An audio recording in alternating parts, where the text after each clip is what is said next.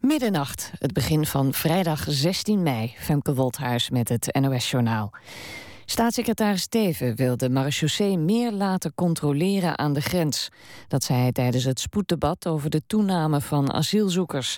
Nu al patrouilleren teams van de marechaussee incidenteel vlak achter de grens. Hij wees er wel op dat de teams niet kunnen voorkomen dat asielzoekers Nederland binnenkomen.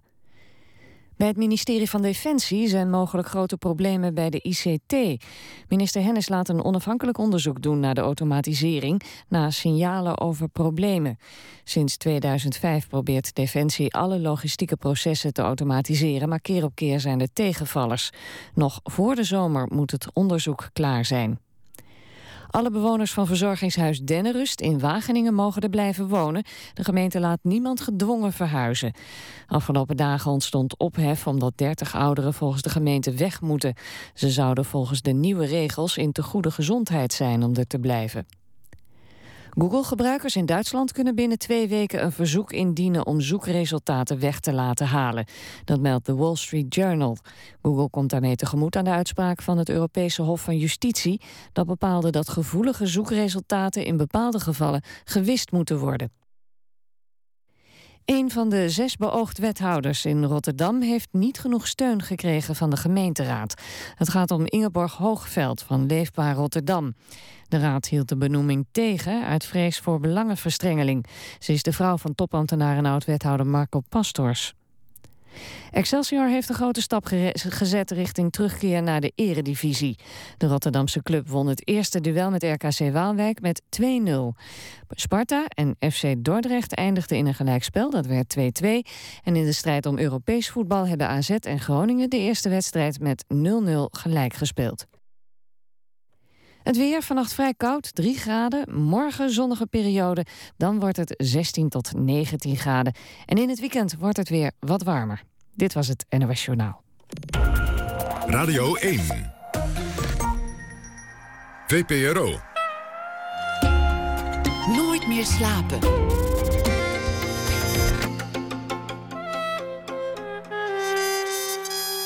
Met Pieter van der Wielen.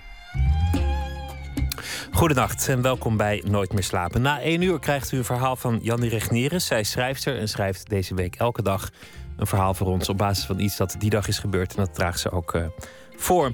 En uh, Anton de Goede die zal praten over Willem Wilmink. Zijn uh, brieven worden gepubliceerd uh, in boekvorm. En er is een biografie in aantocht. En Anton levert zijn bijdrage aan dit alles. Want hij heeft een oud interview gevonden in het archief van de VPRO. Dat hij zeer de moeite waard vond. Dat allemaal na één uur. Maar we beginnen met Stefan Pop. Hij is cabaretier, stand-up comedian. En uh, sinds kort ook schrijver. Net een boek gemaakt met ja. uh, korte verhalen. Moet je nou eens horen, is daarvan uh, de titel. Al jaren actief. Opgetreden van Wateringen tot Delfzijl en alles wat tussenin ligt. al begonnen op zijn vijftiende als, als comedian. Hoe ging dat eigenlijk? Op je, op je vijftiende al op het podium staan? Ik, hoe, hoe komt dat? Nou, ik schreef, ik schreef voor, de, voor de schoolkrant. En, maar ik had het gevoel dat niet heel veel mensen het aan, aan het lezen waren. Of niet genoeg. En toen dacht ik, nou, dan ga ik uh, op het podium staan bij de benefietavond. Dus toen had ik heel erg geoefend voor de benefietavond.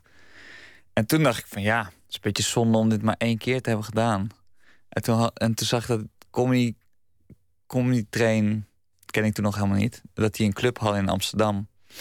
En toen heb ik uh, de trein genomen op een dag met wat vriendjes. En ik had me daar opgegeven voor het open podium. En toen heb ik daar opgetreden. En uh, ik weet nog wat het Miga Wertheim was toen presentator, maar dus ook heel erg onbekend. En Ronald Goedemond, allemaal heel erg onbekend.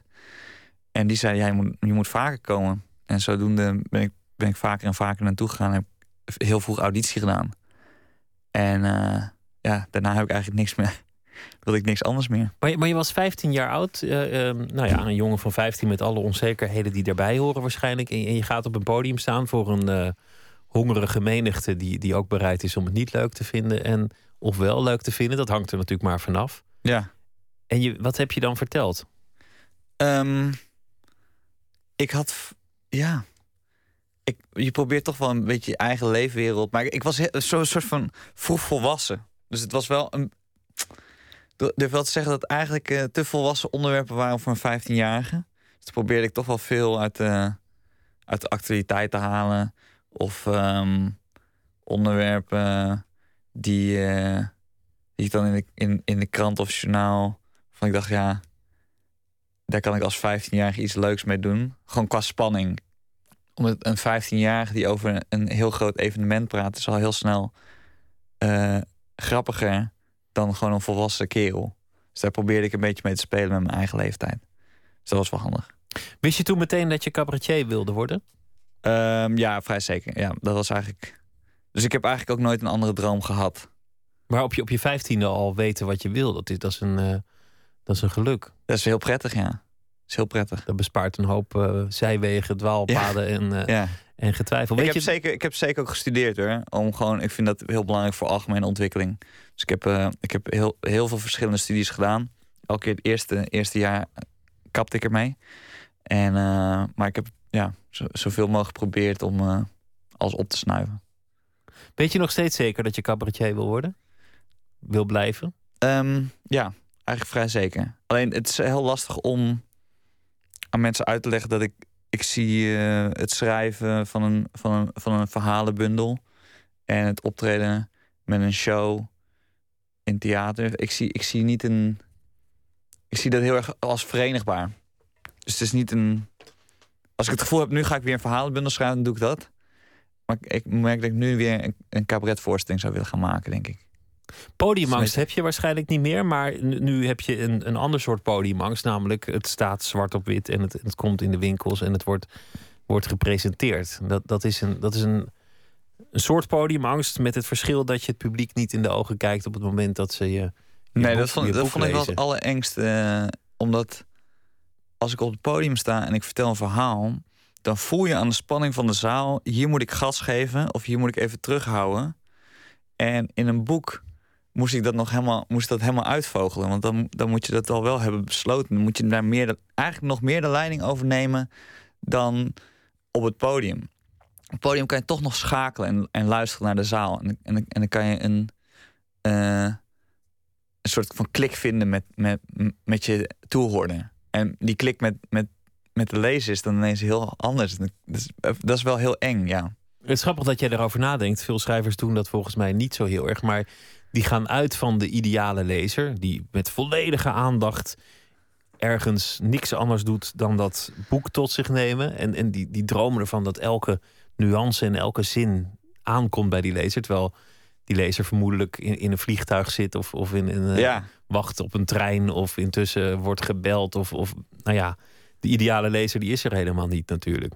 Nou, ik, ik kijk wel iets anders überhaupt naar, naar mijn lezer, omdat ik korte verhalen schrijf. Dus zijn allemaal, de, de, de, het langste verhaal is volgens mij 14 pagina's, 15 pagina's. Dan, um, dus ik denk niet heel erg aan een spanningsboog die langer is dan 15 à 20 minuten. Je zou, je zou hem na één verhaal ook weer weg kunnen leggen.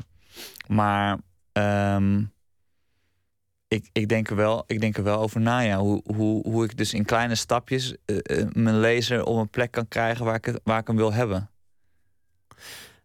Ik denk dat het leuk is voor de luisteraar om jou, uh, als ze je nog niet kennen, te leren kennen. En ook een beetje jou, jouw stijl en, en humor te, te, leren kennen.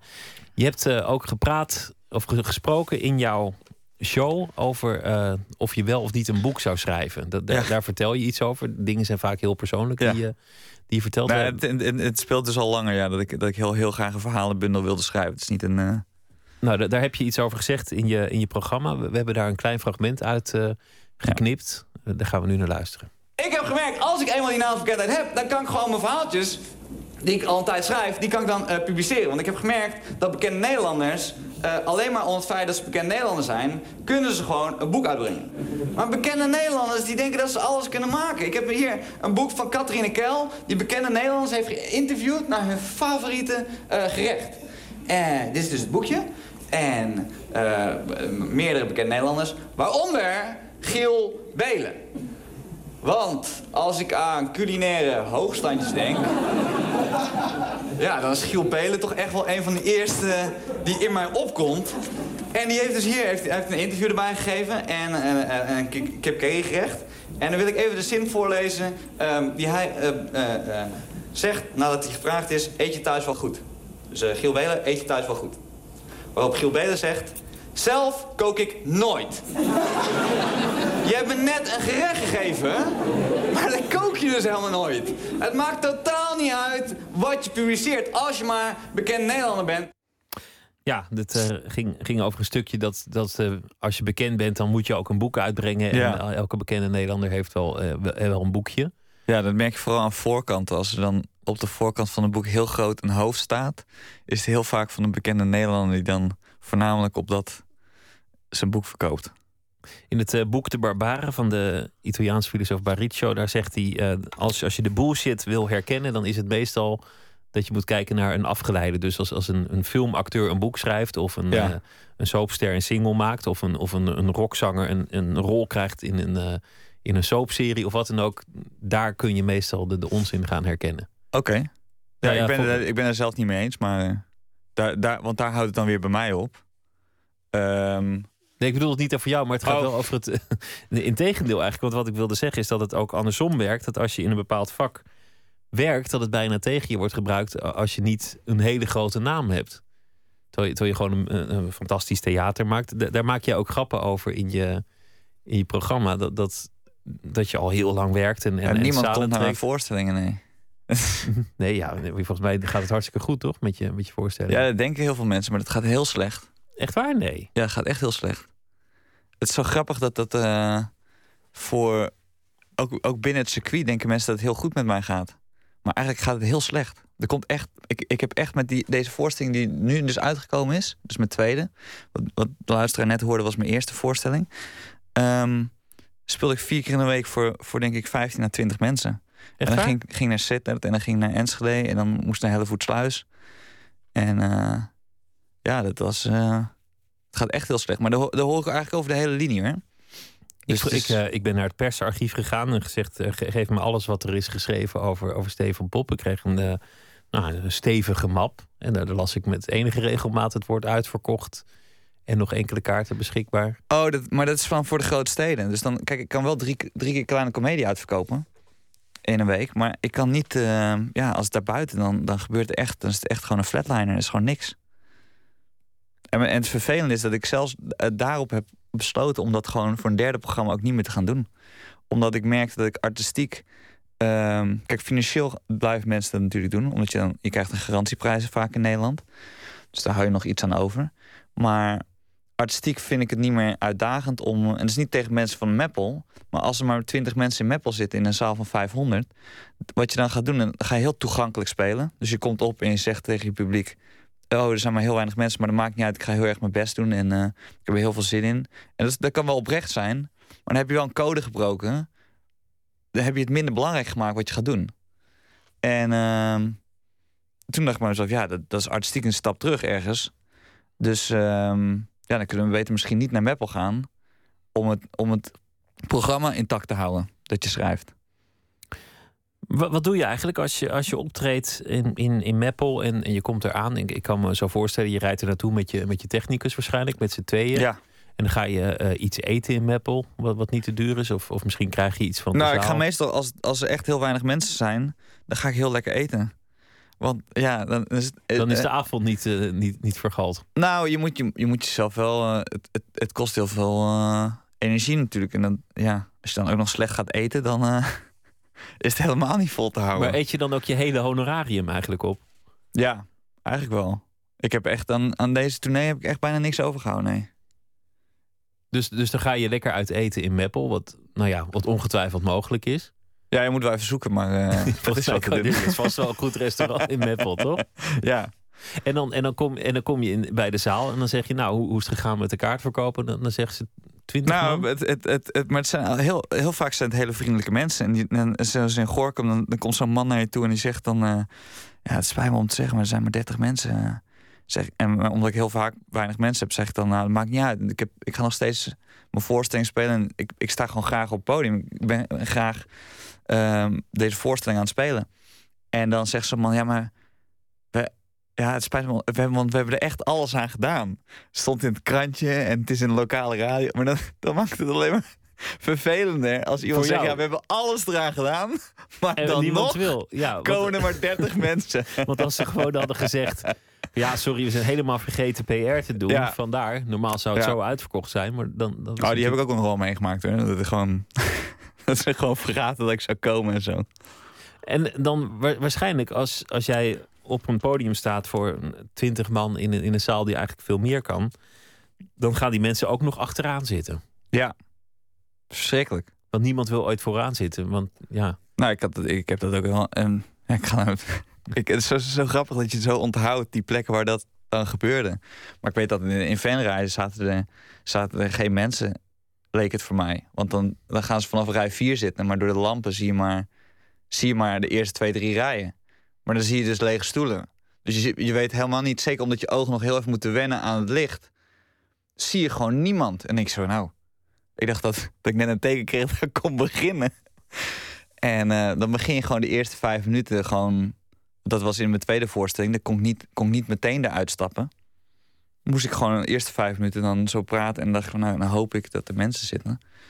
En dan daarna vroeg ik, mag ik iets meer zaal lichten? En dan legde ik het uit.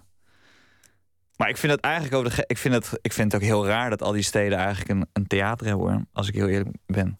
dat eh, was vandaag eh, de opening van NRC Handelsblad. Dat er steeds minder mensen naar theater gaan. En dat er toch theaters. Ik vind, ja, ik vind de helft, de helft kan dicht. En eh ik hoeft ook geen subsidie meer naartoe, wat mij betreft. Eh, Ondanks dat het hele aardige mensen zijn en ik, en ik ja, graag optreed. Maar dit he- eh, je, je kan het internationaal zien. Het concentreert zich in Londen ook heel erg. En dan, en dan daarbuiten heb je niks. Of veel minder.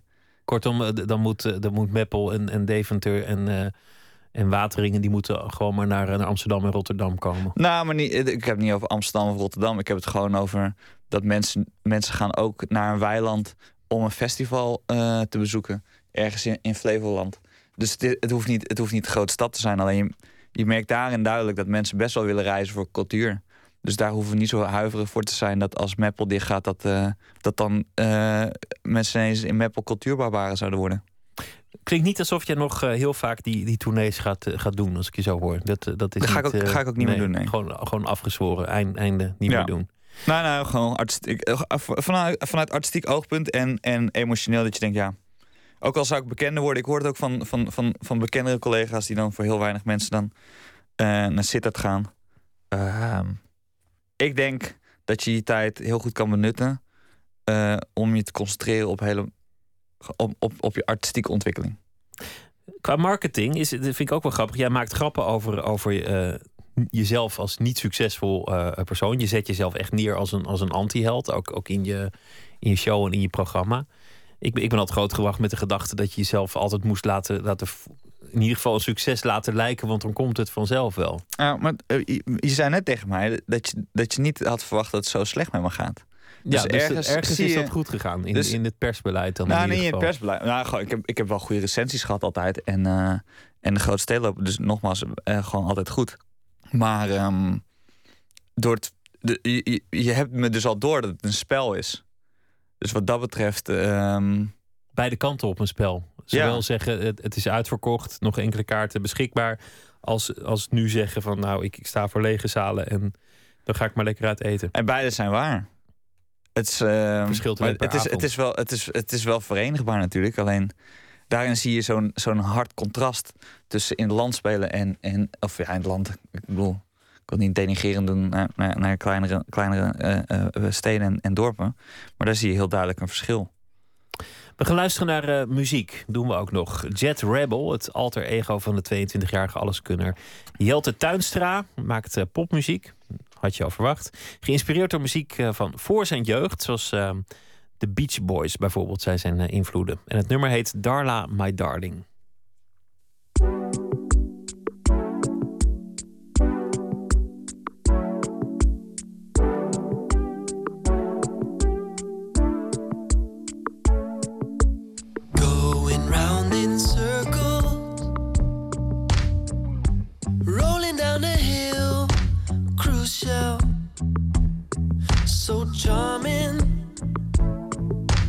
Night, you leave me hanging.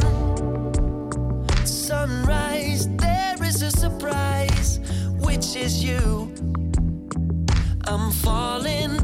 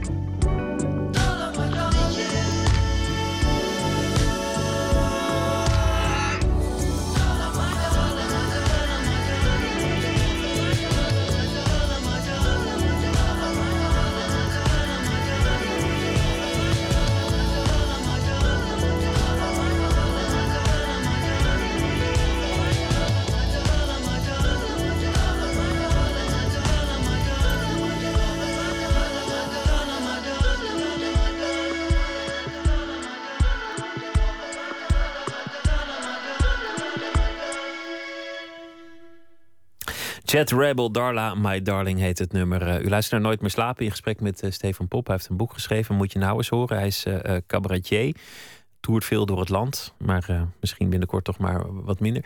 Is, is dat eigenlijk ook iets, iets van jouw generatie, vroeg ik mij af. Om, dat wat minder te hebben, dat je altijd succesvol moet zijn. Het was, was de laatste jaren natuurlijk heel erg aan de hand... dat iedereen zichzelf tot, tot een soort ster wilde bombarderen... of wilde laten zien hoe goed het ging. Maar, maar de, het lijkt... Nou, het, eh, kijk, in zware tijden, zoals het- waar, waar theater nu en cultuur wel in, in, in, in verkeert, ehm, zou dat ook heel raar zijn. Ik heb nooit, ik heb nooit die bubbel meegemaakt van eind jaren 90, begin, begin 2000 en zo. Eigenlijk die namen die toen bekend waren, die zijn eigenlijk nu nog steeds bekend. Wat erg eh, zorgwekkend is. Dat er dus heel weinig vernieuwing vanuit die hoek komt. En eh, dan moeten we even kijken, kijken hoe we dat ehm, veranderen. En dan kan ik eigenlijk maar beter eerlijk zijn tegen mijn publiek. En dat gewoon eerlijk zeggen dat ik. Maar het gaat niet alleen over, over de kunsten of over het cabaret. Je maakt ook eh, eh, grappen over jouw generatie. Van ja, jongens, eh, de mensen met echt succes hebben helemaal niet gestudeerd. Ga vooral studeren. Maar waarom zou je collegegeld betalen? Want die bul helpt je toch niks. Ja. Dus of je nou in de horeca werkt. Maar daar zit ook met- projectie in, hè? Daar zit ook projectie in, omdat. Ja, Ik, ik heb, vond het, ik, vond het, ik vond het heel geestig allereerst. Maar ook vond ik het heel erg een thema van nu. Want, want de crisis die we net achter de rug hebben... of, of misschien helemaal nog niet achter de rug hebben... die, die is vooral gedragen door, door de twintigers ja, maar als je, als, je hem, als je hem dan speelt in het theater. En ik kom, ik kom al vrij eerlijk over op het eh, eh, podium, heb, heb ik het gevoel. Eh, wat heel veel twintigers en dertigers doen, is natuurlijk wel bluffen. Dus wat je op social media doet, je zegt het gaat heel erg goed met mij. En ik ben hier en hier mee bezig en ik ga naar dit en dit festival. En als je dan de juiste invalshoek vindt als twintiger op het podium, om daar doorheen te prikken en te zeggen van hé, hey, moet je nou eens, eh, eh, dit, dit gaat helemaal niet goed. Je hebt helemaal niks op dit moment. Dan is dat ergens een opluchting omdat je door die bubbel heen prikt. En zeg van, nou, je bent gewoon werkloos en je hebt kunstgeschiedenis gestudeerd en je, en je spoelt glazen in, in Ja. een- En, maar dat herkennen, als je dan ook een jong publiek hebt, wat ik dus in, in de grote steden echt, echt dan heb, dan voelt dat ergens voor. Dat is de, die bevrijdende lach. En die, die krijg je dan vanuit de zaal. En dat is wel heel fijn om, om, om, om te delen met je publiek dan. Ik wilde nog een fragment eh, laten horen uit je eh, laatste show. Dat gaat over een eh, museumbezoek. Je, je, je gebruikt een ja. aantal scènes die gaan over, over de kunst. Nou ja, laten we gewoon luisteren. En toen kwam ik in de laatste zaal. En in die laatste zaal hing er maar één schilderij. Eén schilderij en in een voor de rest totaal eh, lege zaal. En dit was omdat het het topstuk was van die tentoonstelling. En dit was eh, een schilderij van de Russische schilder eh, Malevich. Eh, getiteld Black Square. Voor de mensen die het schilderij niet kennen... zou ik heel even kort de beschrijving geven. Het is een vierkant en die is zwart. Dat was het. Ik ging echt zo kijken en ik zei, nou misschien is nog een tekeningetje links of rechts. Ik kijk naar die beveiliger, ook met zo'n blik van wat moet ik hierin zien? Maar hij keek ook van ja, ik weet het ook niet. En toen las ik op dat bordje van eh, in dit schilderij zit alles. En toen hoorde ik dus een eh, man tegen zijn vrouw zeggen, die dus naar hetzelfde schilderij keken. eh, no sé que tú piensas, y tampoco sé que pienso yo, pero sé que piensas como yo. Eerst wat ik dacht, dit zijn geen Nederlanders. Tweede wat ik dacht, supermooie zin. Supermooie zin van die gast. Want terwijl ze naar de zwarte vierkant keken waar dus eh, alles in zat, zei die man tegen zijn vrouw, nou, Ik weet niet wat jij denkt. Eh, nog weet ik wat ik denk. Maar ik weet wel dat wij hetzelfde denken. eh, van, van het tweede programma. Ja, dat, zet, dus, dat, zet, dat, zet, ja, dat zet het raamwerk neer voor de grappen daarna. Ja. De, eh, ehm, het valt op, want je zei aan het begin dat je als 15-jarige op het podium ging staan en iets vertellen over eh, de actualiteit, over wat er in het eh, nieuws was.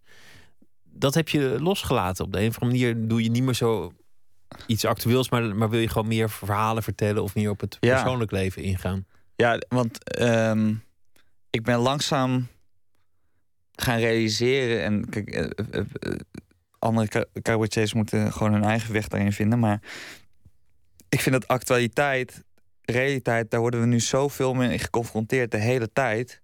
Dat wat ik als artiest kan brengen is een eh, fantasiewereld. Of je meenemen ergens naartoe wa- wat je nog niet kent. En ehm, dat is interessanter dan letterlijk laten zien wat er aan de hand is. En dat is wat ik probeer. Daarom haalde ik Malevic aan. Omdat Malevic een toppunt is van. De, ja. De, het is gewoon een zwart vierkant en de rest moet je erbij bedenken. Ehm, en, dat, en dat hebben we tegenwoordig niet meer. Alles moet gezien worden. Als ik, als ik tegen jou vertel, ik heb, een, ik heb gisteren een date gehad. Wat, wat een generatiegenoot van mij doet, maar misschien jij, jij ook. Zou dan zeggen: Oh, hoe heet ze? En dan zeg ik, eh, dan zeg ik een voornaam. En zeg je, oh, maar was de achternaam ook. Wat heel raar is, want dat zou je tien jaar geleden niet hebben gedaan. Maar de reden waarom je dat doet, is omdat jij haar gaat opzoeken op Facebook om te kijken hoe ze eruit ziet. Terwijl eigenlijk het mooiste zou zijn als je naar mij zou luisteren En jouw beschrijving zou en horen. mijn beschrijving zou horen. En dan een plaatje maakt van in, in je hoofd. Van wat jij dan verzint, hoe ze dan eruit ziet. En hoe wij bij elkaar zouden passen. In plaats van dat je ergens zo'n meisje ziet op een website. Dat ze op een festival met een hele grote zonnebril straat. Je, je vergeleek het in, in de show met het eh, maken van een Polaroid. Ja, Zo van vroeger dat je dan even moest wachten en schudden en blazen en, en, Ja. en wapperen tot het beeld tevoorschijn kwam. En dat dat moment dat je het beeld nog niet zag, eigenlijk het mooiste was. ja omdat je met met, met z'n vier, als je, stel dat je een foto maakt met, met, met, met wat vrienden, dan ga je er allemaal overheen staan. En iedereen is dus helemaal bezig met dat moment wat je net hebt gehad met z'n allen. En die zijn dat, die zijn dat aan het reconstrueren in hun hoofd. En natuurlijk is het mooi dat je uiteindelijk, dat chargeer ik dan een beetje. Natuurlijk is ook mooi dat je een herinnering aan overhoudt van die avond. Maar ehm, het, is, het, is, het is heel mooi hoe, dat, hoe je brein dan werkt. Dat, dat zij dan zelf al wat gaan, gaan tekenen in je hoofd. Het lijkt me ook voor iemand die, die ehm, zijn werk heeft gemaakt van, van grappen en beschouwingen. Moeilijker om over de actualiteit te praten, omdat tegenwoordig in, in alle gastenboeken, fora en, en op internet elke grap al gemaakt is op de dag zelf. Of misschien wel binnen een kwartier na de gebeurtenis. Ja, ik vind, ik vind het ook helemaal niet meer zo interessant. Ik doe het af en toe nog wel eens voor wat als televisieprogramma's mij inhuren om dat, om dat achter de schermen te doen. Om, eh, om rond te komen. Dan, dan wil ik dat best doen. Alleen ik vind dat inderdaad. eh, ik vind het is ook zo suf als je bedenkt dat er zoveel actualiteit is en dan zou ik er een grap over moeten schrijven. Ik vind eigenlijk dat je alles wat je schrijft, eh, daar moet je volledig achter staan. En als iets je boos maakt, dan kan ik me niet voorstellen dat de opluchting alleen komt met één grap maken. En dat je ma maak je een grap en denk oh nu en nu is als het echt een frustratie is, dan moet je echt, dan moet je echt, echt boos zijn en dan moet je er iets aan gaan doen. En ik heb eigenlijk nog nooit een hele mooie speech gehoord waarbij het dan eindigde met een grap. Dat, en dat, dat vind ik altijd zo moeilijk van cabaretiers die dan wel geëngageerd zijn over de actualiteit. Ik denk van ja, dan moet je hem niet eindigen met een, gra- een grap. En dan sterker nog, dan vind ik alle grappen eruit halen. En dan schrijf je maar uit wat je, wat je tegenvoorstel Maar, maar humor kan toch juist ook heel erg helpen om het, om het beeld te kantelen of om, om een situatie draaglijk of bespreekbaar te maken. Ja, maar ik, ik vind dat dat eh, eh, speelveld zo druk is op dit moment...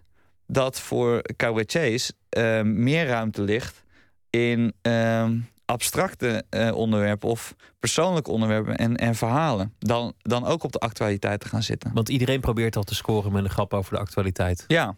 En natuurlijk, er zijn, er zijn mensen die het heel goed doen. En, en, en, en, en, en ik, heb, ik, ik, ik doe het zo zelf af en toe ook nog eens. Zeker voor, voor televisieprogramma's. Alleen mijn persoonlijke... Het is niet mijn ambitie meer om me volledig daarop te richten. Ik vind een oudejaarsconferentie bijvoorbeeld eh, gedateerd. Dat is, als, als ik daar naar kijk... en ze hebben het over eh, eh, een actualiteit van acht maanden geleden... dat voelt in deze tijd al zo lang geleden dan voelt het dan niet meer relevant. Maar is dat niet gewoon een leuke traditie? Net als, als eh, appelflappen en, en oliebollen. En, ja, eh, nee, en- tra- ik vind dat tradities er ook zijn om, om te veranderen. Dus ik heb niet, ik heb niet zo'n, ik hecht niet zo'n heel veel waarde aan een traditie. Je werd eh, in, der tijd geroemd met je, met je eerste show, omdat dat je juist toen heel erg eh, grappen maakte en, en verhalen vertelde over hoe het leven veranderde eh, met de komst van social media en, en internetfora en, Ja, en Twitter en Facebook en, en al dat soort dingen. ja dan, en, dan is de, twee, de tweede voorstelling was daar een beetje een reactie op.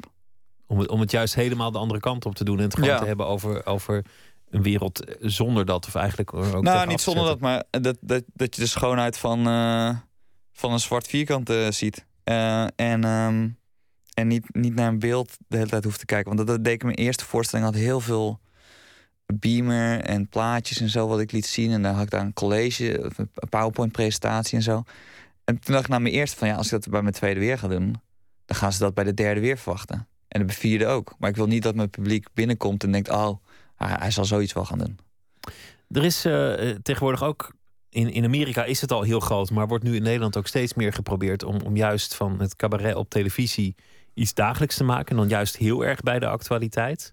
De, de Late Late Show en eh, eh, Ja. eh, nou ja, hoe, hoe al die programma's heten. En met eh, Jimmy Fallon, die wordt ook nu uitgezonden door, Ja. door BNN. We gaan even luisteren naar een klein fragment van, eh, van de grote meester Fallon. That's right, Dr. Dre got $3 billion from Apple. He's actually the first doctor to make any money since Obamacare passed. And, uh, just very, whoa, whoa, Uh, here's some more news out of Apple. Uh, it's rumored that they're getting ready to release the iPhone 6 in August, a month earlier than experts were predicting. And if you want a sneak peek of the new iPhone, take a look at your current iPhone and pretend it costs 200 bucks more. And it's just, whoa, this is awesome! It's heavier! Ja, je, hebt, je zei net al, je doet het ook achter de schermen. Bij eh, Dit Was Het Nieuws heb je onder andere teksten geschreven. Volgens mij ook Ja. voor een aantal andere programma's. Die, die hebben gewoon een team van, van grappige mensen in dienst. Ja. Ik geloof dat het team bij dit programma in Amerika... dat het wel 100 man zijn of zoiets... die daar de hele dag eh, grappen Nou, er wordt flink gechargeerd. Ik zag gisteren van de week ook bij Pauw en Witteman dat collega's dat allemaal zeiden. En ik, ik, ik kom net uit LA, eh, waar ik dan veel heb gespeeld in het Engels. Omdat ik die ambitie dan af en toe heb. En dan, ga ik, dan wil ik dan weg en dan ga ik dan daar optreden. Maar dat valt allemaal reuze mee. Wordt, Eh, wordt, wordt gechargeerd hoe, eh, hoe groot die teams zijn. ja, ja, ja. Dat is natuurlijk ook goed om dat te doen. Want dan, als, als je Nederlandse versie dan niet zo goed is... dan zeg je, ja, maar ja, hij heeft 200 man in dienst. Nee, maar ik vind de Amerikaanse versie ook heel vaak eh, geïdealiseerd hoe goed dat is. Eerlijk gezegd.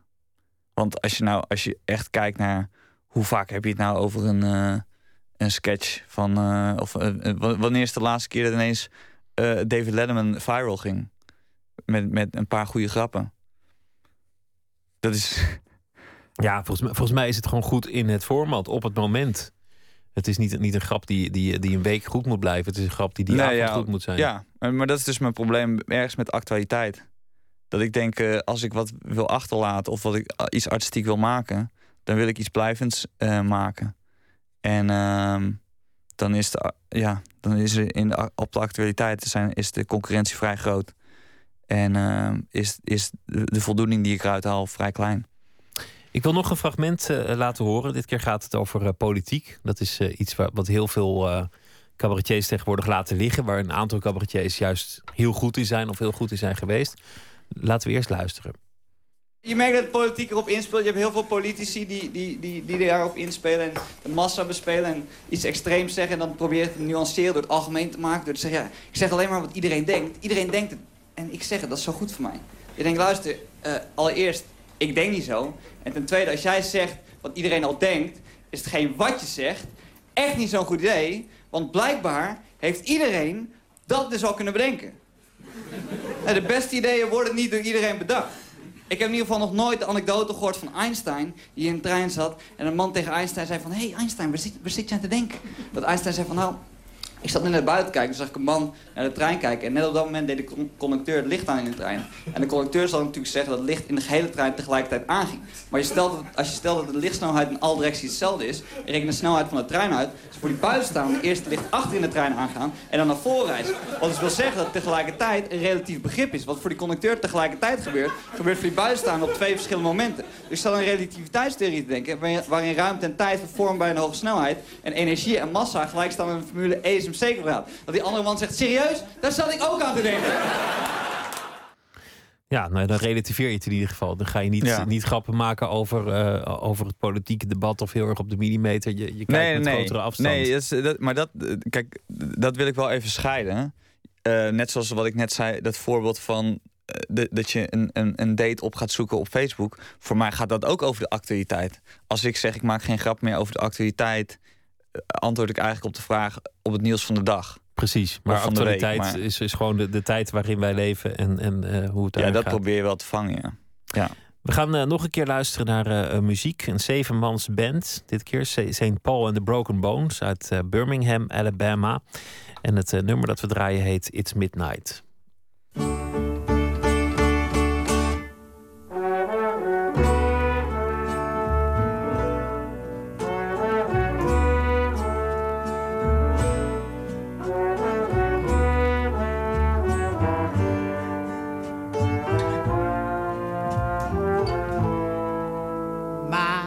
Mama told me,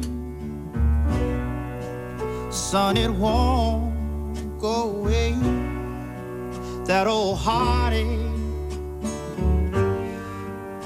it won't stop the rain. Please just try, boy. Just find the Lord.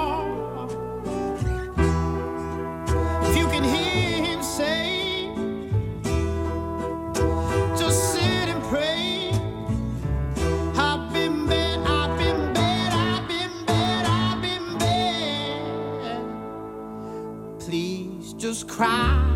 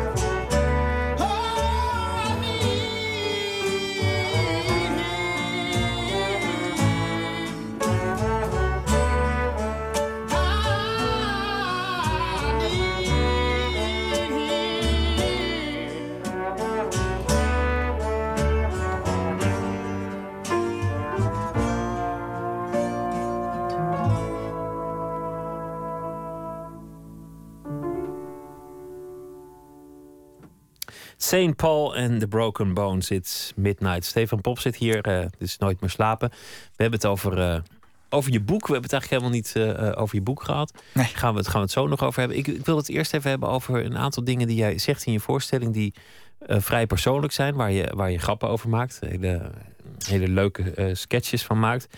Maar die, die volgens mij toch waarschijnlijk wel een, een basis in de werkelijkheid hebben. Onder andere over het kindermisbruik in jouw voetbalteam. Ja. Dat, dat is volgens mij gewoon waar. Ja, nou, nou, eh, ik moet, dat, dat vertelde ik als 15-jarige al op het podium. Die grap over dat, dat, dat Ja, jouw voetbalteam, grap. dat de trainer... Maar eh, dat had ik wel, daar had ik wel een stuk over, ja. Dat was wel, toen was het echt chockerend natuurlijk. Dat een 15-jarige jongen daar eerlijk, eerlijk over vertelde op het podium. En daar grap over maakte, ja. wat, wat is er waar? Vertel. Eigenlijk, ja, ja, eh, eh, mensen hebben de voorstelling niet gezien, maar wat er waar is dat er een eh, voetbaltrainer was die eh, eh, ja, vergaande interesse had in, in teamgenootjes. En ehm, dat waren meestal jongetjes die niet zo. ehm, ja, die, die toch wel al met een probleem liepen. Ik weet niet of dat heel vaak bij kindermisbruik is, maar dat viel wel ergens. Als ik naar achteraf en terugkijk, waren het allemaal jongens waarvan ik dacht, nou, die waren best wel fragiel. En ehm, die, die nam je dan mee naar huis. Of dan, eh, of dan ging je hem, ja, dou- hij was ook heel vaak bij douchen, was hij er. Dus dan, dat is iets wat je dan achteraf dan realiseert van, hij was best wel vaak bij douchen, ja. En eh, t- ja, toen kregen mijn ouders ineens een brief thuis, want ik had dat, ja... Ik geloof, maar dat klinkt echt heel hard. Maar ik geloof ook ergens dat. ehm, ja, ik, dat, dat ik daar wel een voorgevoel voor had. Zoals veel, veel kinderen. Maar als je, als je, als je, als je een, een, kind hebt met een probleem die ermee rondloopt. Die zoeken al vrij snel steun bij, bij volwassen mensen. Maar die, ja, dat had ik niet nodig. Dus het is, niet, het is ook nooit bij mij in de buurt gekomen.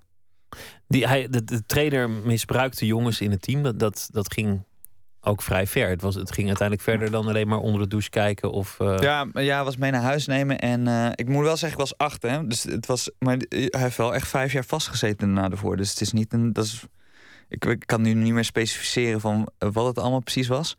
Maar dit, er zat wel een redelijk goede straf eh, eh, aan. Daarna. Dit is, een, dit is een vrij beladen onderwerp. Wat het, wat het des te sterker maakt. Dat, dat je gewoon op het podium dat vertelt. En, en daar ook, ook een paar heel rake grappen over, eh, over inkopt. Ja, maar ik heb, niet het, eh, ik heb nooit het gevoel gehad bij dat stuk dat ik expres over kindermisbruik wilde praten, omdat ik dacht, oh, dat is chockerend. Maar ik wilde, wat ik heel graag wilde vertellen is dat eigenlijk bij, bij kindermisbruik vooral andere kinderen zo vervelend zijn daarna.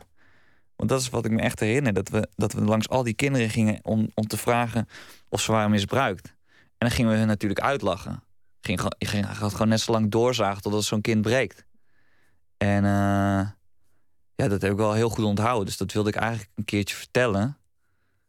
En dan heb ik daar eh, gelukkig een humoristische toon voor gevonden om dat te doen.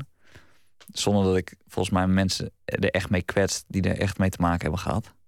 In het team of... eh, Nou ja, wa- wa- waarom het volgens mij ook grappig is. ehm, is omdat voor, voor kinderen zijn dat soort dingen niet zo beladen. Dat, dat komt misschien later. Maar het is natuurlijk heel beladen. Vooral op dat moment voor de ouders. Want die kinderen die, die snappen Nee. heel veel dingen nog niet. En dat je eigenlijk, als jij het vertelt op het podium. Dat doet met dezelfde luchtigheid. Waarmee, waarmee kinderen dat ook een beetje ja, maar beschouwen. daarom is het misschien ook een, eh, waarom dat stuk zo goed werkt dan nu ook nog steeds, is omdat ik, omdat ik toen al op mijn vijftiende voelde van dit is een gevoelig onderwerp en het staat dicht bij mezelf. Ik wil hierover praten op het podium. En dat ik dat toen al heb gedaan. Dus wat ik, dat heb ik misschien ergens onthouden, onderbewust. Van hoe ik dat verhaal moest vertellen als 15-jarige om dat luchtig te brengen. Hoe, hoe ik me toen erbij voelde. Dus eigenlijk is het verhaal heel kind. Nog steeds. Hoe ik het, hoe ik het vertel.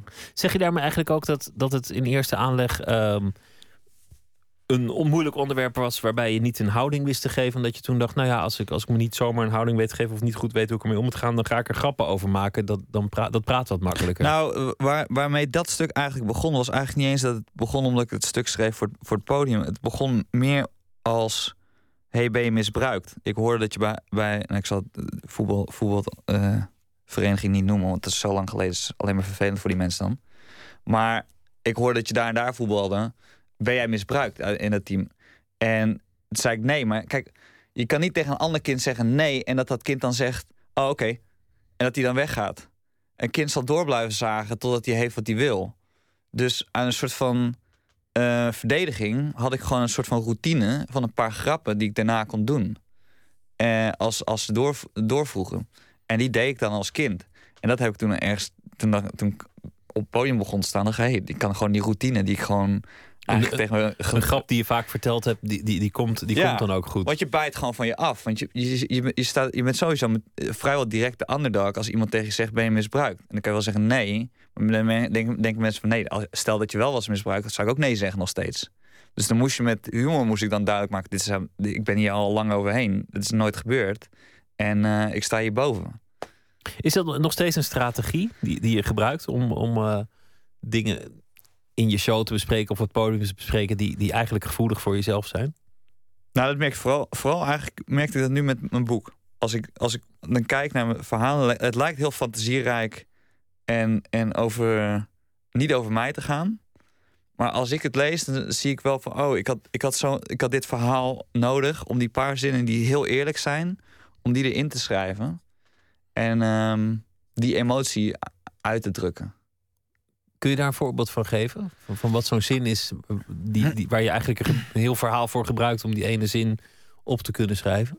Ehm, ja, het liefst zou ik natuurlijk het laatste, het laatste verhaal, maar het laatste verhaal eh, is, is een beetje zonde om dat weg te geven met de, met de laatste zin.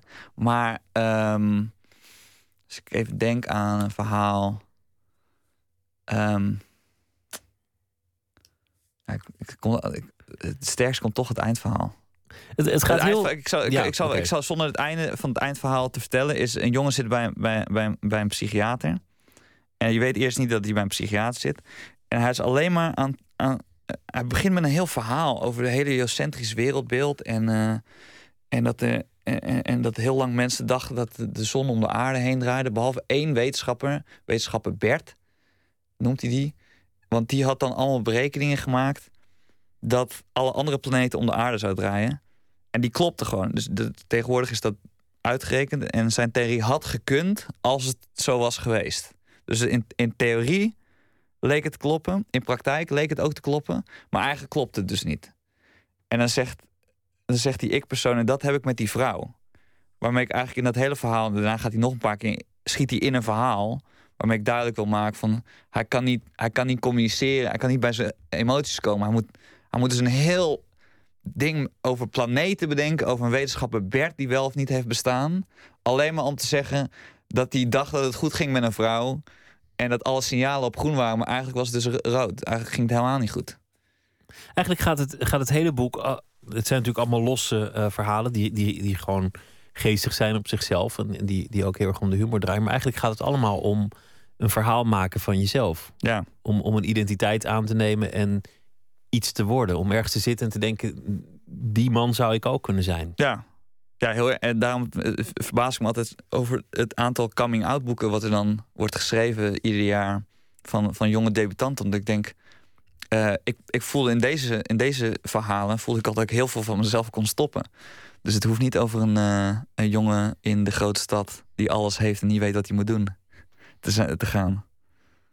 Het kan erover gaan. In, in elke situatie kan, je dat eigenlijk tegenkomen. Ja. Die, andere identiteit. Ja, volgens mij wel. Volgens mij als ik een, als ik, eh, een verhaal schrijf over, over drie koningen... en dan de premisse is dat die daarna nog met elkaar even wat gaan drinken... nadat ze in de stal zijn geweest van, van, van, eh, bij- Jezus. Ehm, daar- zelfs daarin kunnen mensen zich gewoon herkennen... dat drie mannen met elkaar gaan drinken... nadat ze ergens op bezoek zijn geweest... voordat ze gaan slapen en met elkaar nog een, een biertje drinken. Het gebeurt ook vaak dat mensen ehm, op reis of op vakantie, dan, dan, dan ont- ontmoeten ze elkaar en dan nemen ze een ander beroep aan. Dan zeggen ze ineens: eh, Ja? Ik ben kunstenaar of ik, ja, ik, ik, ik doe het ook niet, maar ik ken veel. Nou ja, soms, soms doe ik het wel omdat ik dan, dan, dan even geen zin heb om het over de radio te hebben. Dus als ik Ja, zeg ja, ik werk bij de radio, dan zeg ik oh de radio. Dus dan, eh, Ja, dan zeg ik ik eh, werk bij het. eh, bij de televisie. bij weet ik veel waar ik dan werk. Dan zeg ik ik bak hamburgers. ja, ja. Oh, hamburgers, dat is interessant.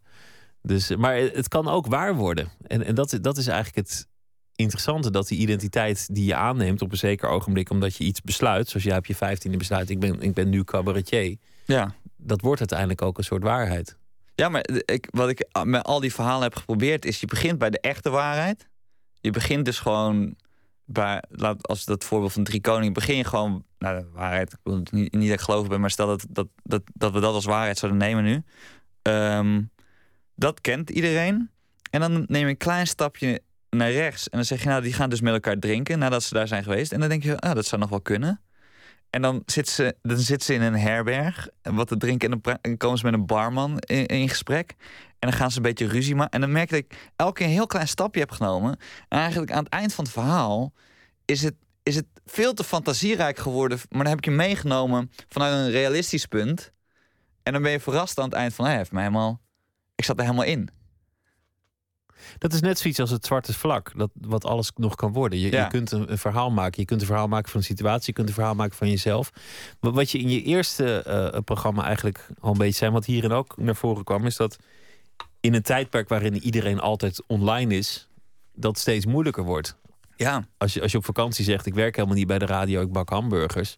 Dan zoeken ze je op op Facebook en denken van, wat doet die hamburgerbakker met een koptelefoon op zo? maar daarom vinden mensen het zo leuk volgens mij om, eh, eh, om, om, om eh, naar een film te kijken die heel fantasierijk is. Of, ja, en, daar, en zich daarin helemaal te verliezen. Ik heb ook helemaal niet het gevoel dat vroeger strips zo tof, zo tof werden gevonden. Maar ik heb nu het gevoel dat heel veel mensen naar van die stripheldenfilms gaan. En, en, en superkrachten. En ja, ik kan me heel, heel goed voorstellen dat dat een uiting is van mensen die hun fantasie de vrije loop willen, willen geven. terug willen vinden. Je hebt een, eh, een, ja, soort parodie gemaakt op 24 uur met. De, Ja. de, de serie van, van eh, Wilfried de Jong. 24 seconden met. Waarin je eh, echt bekende Nederlanders ontvangt. En dan exact 24 seconden hebt. Ja. We gaan luisteren naar één, één zo'n Ah, fragment. Ik ben vergeten welke, maar dat horen we wel. Go back to the zoo. Een band die mij belde en vroeg of ik hun een beetje kon helpen aan publiciteit. Ze zei dat ze al meerdere malen op Lowlands hebben gestaan. Net zoals ik.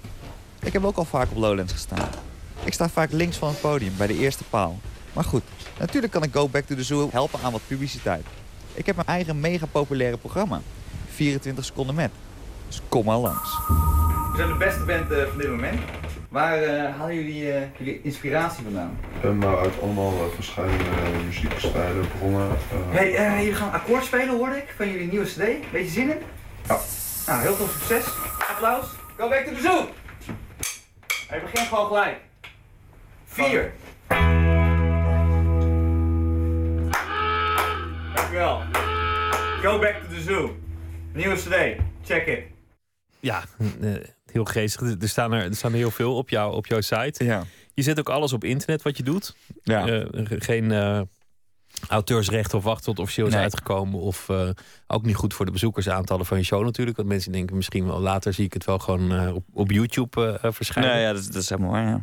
Maar je, je, lijkt eigenlijk in, in je manier van werken ook een beetje een iconoclast. Zoals je net zegt van, eh, Ja. ach die oudejaarsconferentie, wat zal het me? Of waarom, moet- waarom moet eigenlijk elke stad een, een theater hebben?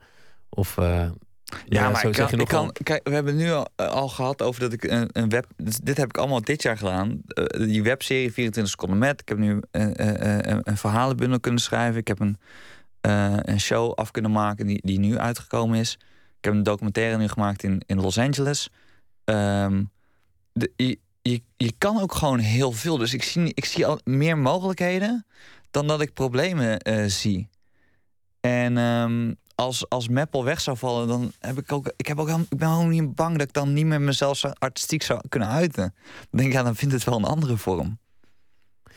Heb je, heb je nooit, nooit die angst die, die toch heel veel mensen met creatieve beroepen hebben van, van hoe, hoe ga ik rondkomen, hoe ga ik dit doen of, of eh, hoe ziet mijn toekomst eruit? Of, he- heb je dat nooit? Is, is bij jou altijd van, oh ja, ik zie mogelijkheden eh, vooruit?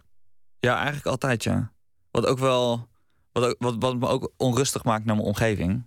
Ik bedoel, ik, ik kan me niet voorstellen dat je dit zou kunnen doen met, met een vrouw en twee kinderen en verplichtingen. Maar ehm, Nou, als die, ik dus. die, die verplichting hoef je je ook niet op de hals te halen natuurlijk. Nee, nog niet. Maar eh, nou, misschien wel helemaal niet. Waarom zou je? ja. Ik weet nog niet. Dus, eh, Ja, dat zie je dan wel weer. Hè? dat komt nog. Nee, maar als ik, als ik dus zin heb... Dus het was ineens spontaan. Denk ik bij mezelf, ik ga twee maanden in L.A. wonen. En dan ga ik naar L.A. En dan ga ik daar zitten. En ben je daar ook op het podium gaan staan in L.A.? Eh, ja, dat doe ik al heel, heel lang. Eh, ik, nou ja, En gaat het, gaat hetzelfde als in Toemler? Je meldt je aan en zegt hallo, ik ben... eh, een- En nou, ik bluff. Ik heb, ik heb gewoon de eerste paar jaar heb ik gebluft. Gewoon gezegd, eh, ik ben eh, de bekendste cabaretier van Nederland. En eh, het zou heel tof zijn als ik bij jullie er ben. En dan, en dan op een bepaald moment zetten ze je op het podium. En dan moet je gewoon ineens heel... Ja, moet je goed zijn. Goed, beter dan de rest. En dan mag je terugkomen. En eh, ja, nu heb ik wel... Ik boek nu ook het Amsterdam Comedy Festival. Doordat ik goede contacten heb. En heel toevallig ga ik dus in Edinburgh weer spelen. Ik heb al een keer gedaan, maar met, het, met, met de dochter van John Cleese. Hebben we, hebben een, eh, een groepje. Ik heb haar nog nooit ontmoet, maar gewoon andere vrienden zijn ineens... Kom, we gaan naar Edinburgh. En ze, ja, zij kon natuurlijk heel makkelijk dat, dat regelen. Dus gaan we dan een weekje doen. Waarschijnlijk gaan mensen, mensen het ook nog veel leuker vinden als... Nou, er is een, een heel beroemde cabaretier uit, eh, uit Europa... Die, die daar volle zalen trekt. Oh nee, maar van, wat van ver komt is lekker. Ergens ook voor hun. Want kijk, Amerika is dusdanig commercieel. Die, is die hebben gewoon op een avond hebben ze gewoon een vrouw, een, een nerd, een jood, een zwarte man. Dat is hun line-up. Dus als ze dan een, een comedian hebben van deze is, hier is een comedian uit Amsterdam, is het ineens iets heel anders. Dus eigenlijk toen ze merkten dat ik wel van niveau, niveau was, kreeg ik ineens heel veel optredens en, en ontmoette ik heel veel mensen. Dus dat is wel. Ik heb Montreal Comedy Festival gedaan. Dat is, dat is het grootste ter wereld. Edinburgh Festival heb ik gedaan. Dus ja, ik zie ook. Ik, dus de wereld houdt niet op in Meppel. Ik wilde nog een fragment laten horen van een collega van jou. eh, om, omdat ik had begrepen dat, dat het iemand is die jij hoog hebt zitten. Ehm, Wim Helsen, we luisteren even. Misschien is niet alles van wat ik hier sta te zeggen waar. Hè, in de zin van echt gebeurd, echt gebeurd. Maar er zijn ook heel veel dingen die wel echt gebeurd zijn. die ik niet vertel, compenseert. Ik heb bijvoorbeeld niet verteld dat je in de winter naar een bakker kunt gaan met één handschoen aan hè, en dan tegen een bakker zeggen: Oh, bakker, het is zo koud buiten en ik heb maar één handschoen. Eh, kun jij voor, mij, heb jij voor mij geen warm brood om mijn andere hand in te steken en dan vragen of dat je een paar broden mocht passen? Dat heb ik niet verteld. Ik, wil- ik wilde je vragen waarom je het zo goed vindt, maar, maar eigenlijk spreekt het wel voor zich, toch? Ja, het is gewoon, het is gewoon iemand die in een hele normale situatie naar iets heel fantasierijks en je gaat nog mee ook. Ik bedoel, als je die hele voorstelling ziet, dan, dan zie je hem bij die bakker staan dat hij dat die brood aan het passen is. Ja, de, de, de- echt absurdisme kan hij eh, tot grote hoogte. En dat, ik heb niet dat ik voor, als ik mijn eh, werk zou omschrijven, zou ik eerder in surrealisme staan. Ja, s- dus ik begin realistisch en ik maak het, ik maak het eh, absurdistisch, maar ik blijf, blijf tegen dat realistische aanschuren. Maar ik kijk vol plezier naar dit, dit soort absurdisme. Maandag ga je je, je boek presenteren. Eh, dat wordt niet een, een boekpresentatie zoals we dat gewend zijn met eh, een aardig woordje van de uitgever en, en een aardig woordje van degene die het in ontvangst neemt. Maar wat dan wel?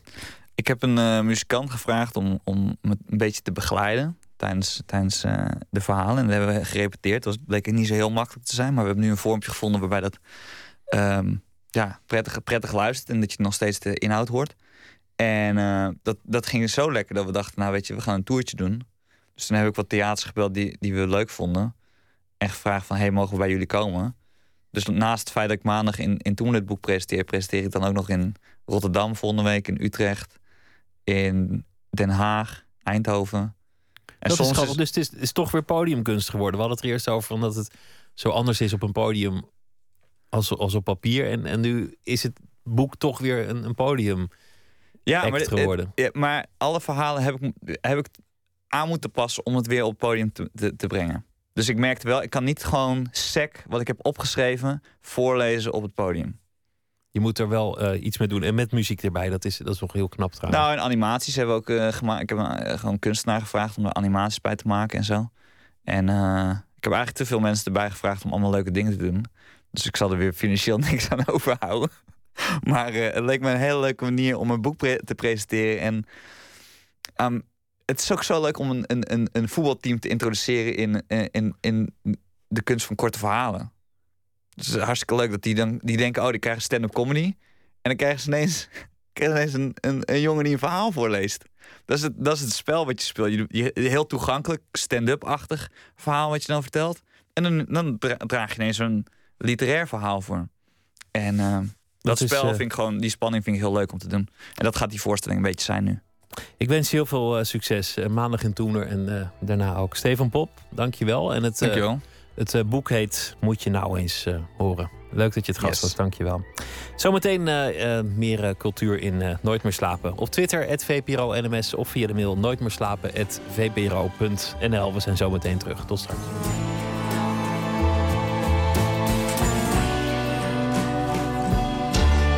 Radio 1. Het nieuws van alle kanten.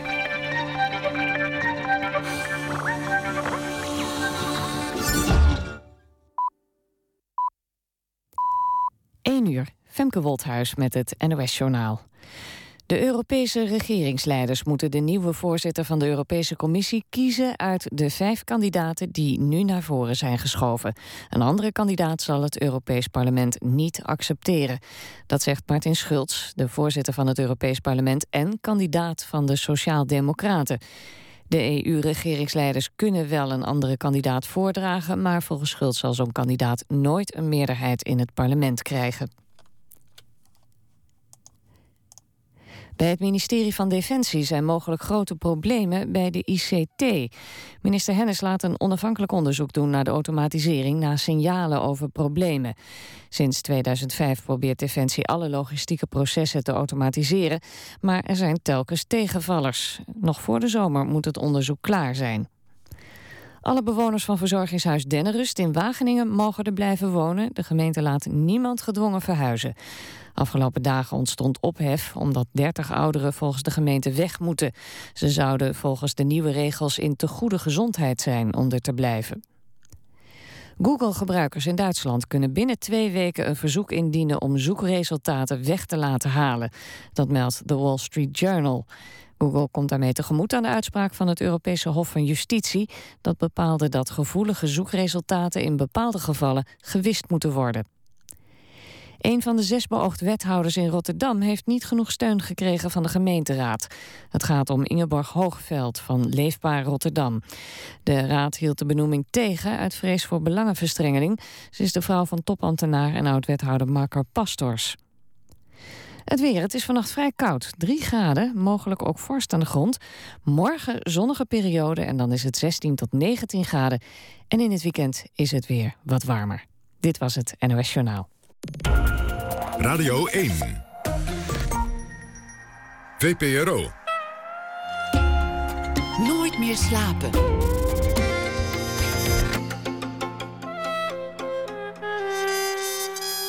Met Pieter van der Wielen. Goedenacht, u luistert naar Nooit meer slapen, naar het uh, tweede uur. En dat tweede uur begint zoals gebruikelijk met een schrijver die reageert op iets dat die dag in de wereld of in het leven van de schrijver is gebeurd. Deze week is dat uh, schrijver en beeldend kunstenaar Jannie Regnerus. Haar laatste roman heet Het Lam. Gaat over een vrouw die zich staande probeert te houden tegenover het leed van haar ernstig zieke kind. Ze heeft ook uh, andere boeken gepubliceerd. Het boek Het Geluid van Vallende Sneeuw bijvoorbeeld, waarin ze, waarmee ze in 2007 de Bob den L-prijs won. Goedenacht, Jannie. Hey, goeienacht Pieter. Waar wil je het vandaag over hebben? Um, ik uh, zag um, vandaag uh, een, een, een, hele merkwaardige uh, foto in de krant staan. En daarover heb ik een stukje geschreven. Um, de foto is genomen in de Oekraïne. En enfin, ik, ik zal het even voorlezen. Drink op Stalin, drink op onze zegen. Een foto in de krant. De fotograaf heeft een beetje voorovergebukt en met zijn lens een tweebaansweg gekaderd. Die wordt doorsneden met een smalle groenstrook. In dat gras is een man in plaats van op een picknickkleedje onder dat kleedje gaan liggen. Zijn broekspijpen en twee zwarte schoenen steken er onderuit. Weerloos, die schoenen. Op de wijze waarop Charlie Chaplin in, in het leven stond. Hielen en hakken tegen elkaar je voeten naar buiten gedraaid. De foto toont geen sporen van geweld. Of het moet die donkere vlek op het asfalt zijn. Zelfs nu hij bijna opgezogen is, neigt hij nog naar rood. Het meest merkwaardige aan de foto is dat daar, waar het hoofd onder de stof uh, lijkt verborgen te gaan... grote politiepet op het kleed is, is gezet. Gaaf en ongeschonden met een glimmend insigne, alsof iemand het nog even eerbiedig heeft opgepoetst. Iedere passant zal weten dat hier niet zomaar een slachtoffer ligt, maar een man die in functie is gestorven. Iets lager, ter hoogte van de borst, prijkt een bitprentje. Het kleed waarmee het lichaam is bedekt, is er zo een als bij je oma op de keukentafel ligt. Beige, met een dessin van grote oranje anjers die alvast een eerste bloemenhulde aan de doden brengen. Ja, dat viel mij vandaag op. Ja, ik heb, ik heb de foto gezien. Uh, het was een foto dat je even twee keer moest kijken. Maar het, het valt me op. Het is een hele oude discussie. Maar het valt me op dat ik, dat ik vaker gewoon harde foto's in, in kranten zie staan. Hele directe, niks verhullende. Gewoon lijken, kadavers, uh, uh, bloed dat soort dingen. Vroeger, vroeger probeerden kranten volgens mij meer de afgeleide foto te tonen van, van degene die naar het lijk keek, bijvoorbeeld. Maar nu zie ik, zie ik vaker, of althans ik meen dat ik het vaker zie, gewoon het, eh, het lichaam. Ja, maar het is natuurlijk zo uh, wonderlijk. Uh, het beeld is, is, is, is wat dat betreft een echte Hans Aarsman foto. Ik verwacht ook nog wel dat hij daar iets mee in de Volkskrant gaat doen. Dat is die man die altijd die stukjes over een foto schrijft met ja. zijn vergrootglas en het dan Precies. analyseert. Want het is natuurlijk zo'n zo'n uh, wonderlijk stilleven, zo'n zo'n zo'n raar ja, keukenkleedje. En daar steken dan twee uh, ja, benen onderuit. En dan staat er die glimmende pet gewoon op dat kleedje. En, en die man ligt er ook zo weerloos, die is gewoon in de berm gesleept. Het is een wonderlijke foto. Ik moest er inderdaad ook twee keer naar kijken. En uh, het beeld blijft ook bij je, vind ik. Vond je, toch, vond je het om die, die reden een goede foto? En uh, stond hij ook uh, goed in de krant, wat dat betreft? Nou, het is... het is, het, het, het is ja, het is eigenlijk daar waar, waar ja, tragiek en eh, schoonheid elkaar een beetje raken. En eh, we spraken maandagavond over ehm, ja, de loop ehm, eh, van een tank waar ja, die jonge vogeltjes uitgevlogen kwamen. Het was eigenlijk ook zo'n soort beeld, hè? Vol, vol met symboliek en, en, en schoonheid. En, en ja, weet je, eh, alle gruwel die daarbij hoort, die, die, die blijft bijna buiten beeld. En eh, zoals hier ook bij die foto wordt letterlijk met een, eh, ja, met een, ja, met dat doekje afgedekt. Maar goed, des te heviger komt dat beeld gewoon binnen. Eerder deze maand stond in de krant een foto van, van een eh bulldozer met, met zo'n graafmachine met, met de hele bak vol met lichamen. Je zag de armen en benen uitsteken. Er zijn nog een paar van die foto's geweest die, die ook elke keer wel een zekere ophef veroorzaken. Ik denk soms wel dat het plat kan slaan. Dat op een gegeven moment je gewend bent aan, aan gruwelijke foto's. En dat er een soort wapenwedloop ontstaat in het bewustzijn van wat je nog raakt en wat je nog opvalt.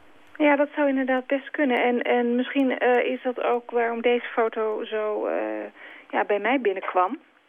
Het is echt bijna beeldende kunst. Ik bedoel, deze foto zou je ook in een galerie kunnen zien hangen. En ehm, Barbara Visser, eh, ik weet niet of je ja, wel eens van haar naam hebt gehoord, eh beeldend kunstenaar.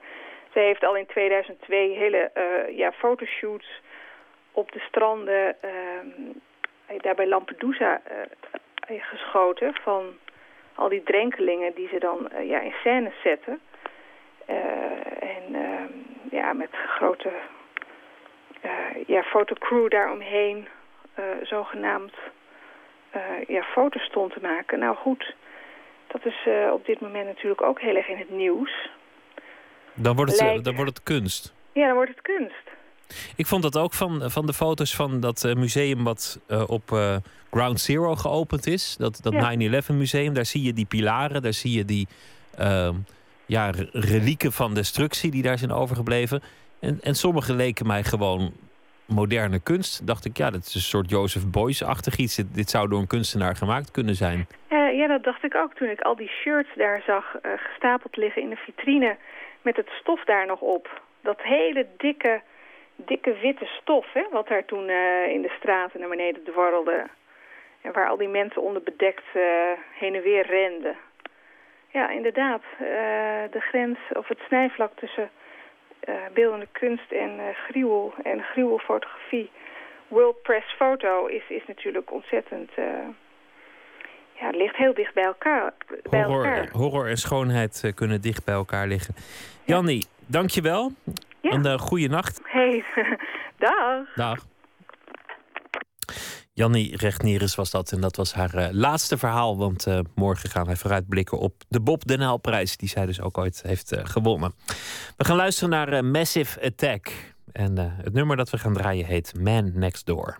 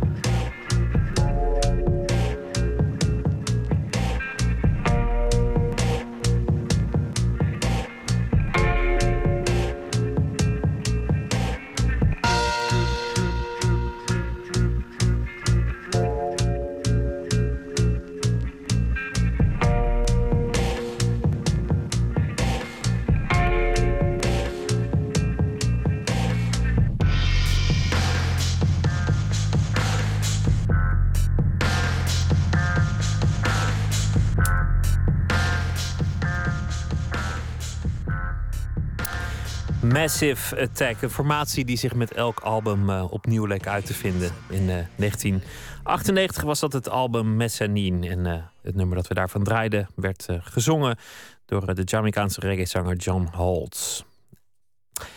Goed. Nooit meer slapen.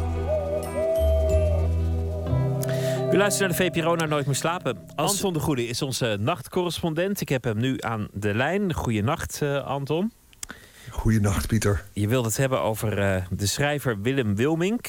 Er is een aanleiding voor. Het eh, verschijnen van het boek Zelfportret in brieven van, eh, van Wilmink. Voor de jongere luisteraars of de mensen die het gewoon even niet paraat hebben. Wie was het ook alweer? Willem Wilmink. Ja, misschien een naam die veel mensen inmiddels niet zo veel meer zegt. Maar iedereen die zal hem kennen. Als ik bijvoorbeeld zeg deze vuist op deze vuist, deze vuist op deze vuist en zo klim ik naar boven, dan herkent iedereen daar een liedje van uit de film van Ome Willem. En zo zijn er honderden eh, andere gedichten en liedjes die van Willem Wilmink zijn en die tot de klassiekers zijn gaan behoren. Verder was hij dichter. Hij was ook zelf liedjeszanger, maar hij was ook Neerlandicus. Hij heeft een schriftelijke cursus dichter geschreven. En het boek dat er nu uitkwam net, dat is een brievenboek. En er wordt gewerkt aan een biografie door Elsbeth Etty. Maar daarover straks misschien nog. Ehm, die brieven die las ik en die vond ik fantastisch. En hij neemt voor mij een bepaalde plek in... omdat ik ooit een radio-interview met hem hoorde... en dat blijkt in 1991 geweest te zijn... eh, waarbij ik drie kwartier lang aan de radio gekluisterd zat... omdat het zo'n prachtig interview was. Ik heb gevraagd aan Nienke Vijs van de VPRO... die daar het VPRO-archief beheert... om te kijken of dat interview nou echt zo goed was en waar dat was. Zij heeft het afgestoft en uit het archief weten te halen. En ik heb het beluisterd. En inderdaad, het was grappig, ontroerend, informatief, prachtig. Willem Wilmink in 1991 ehm,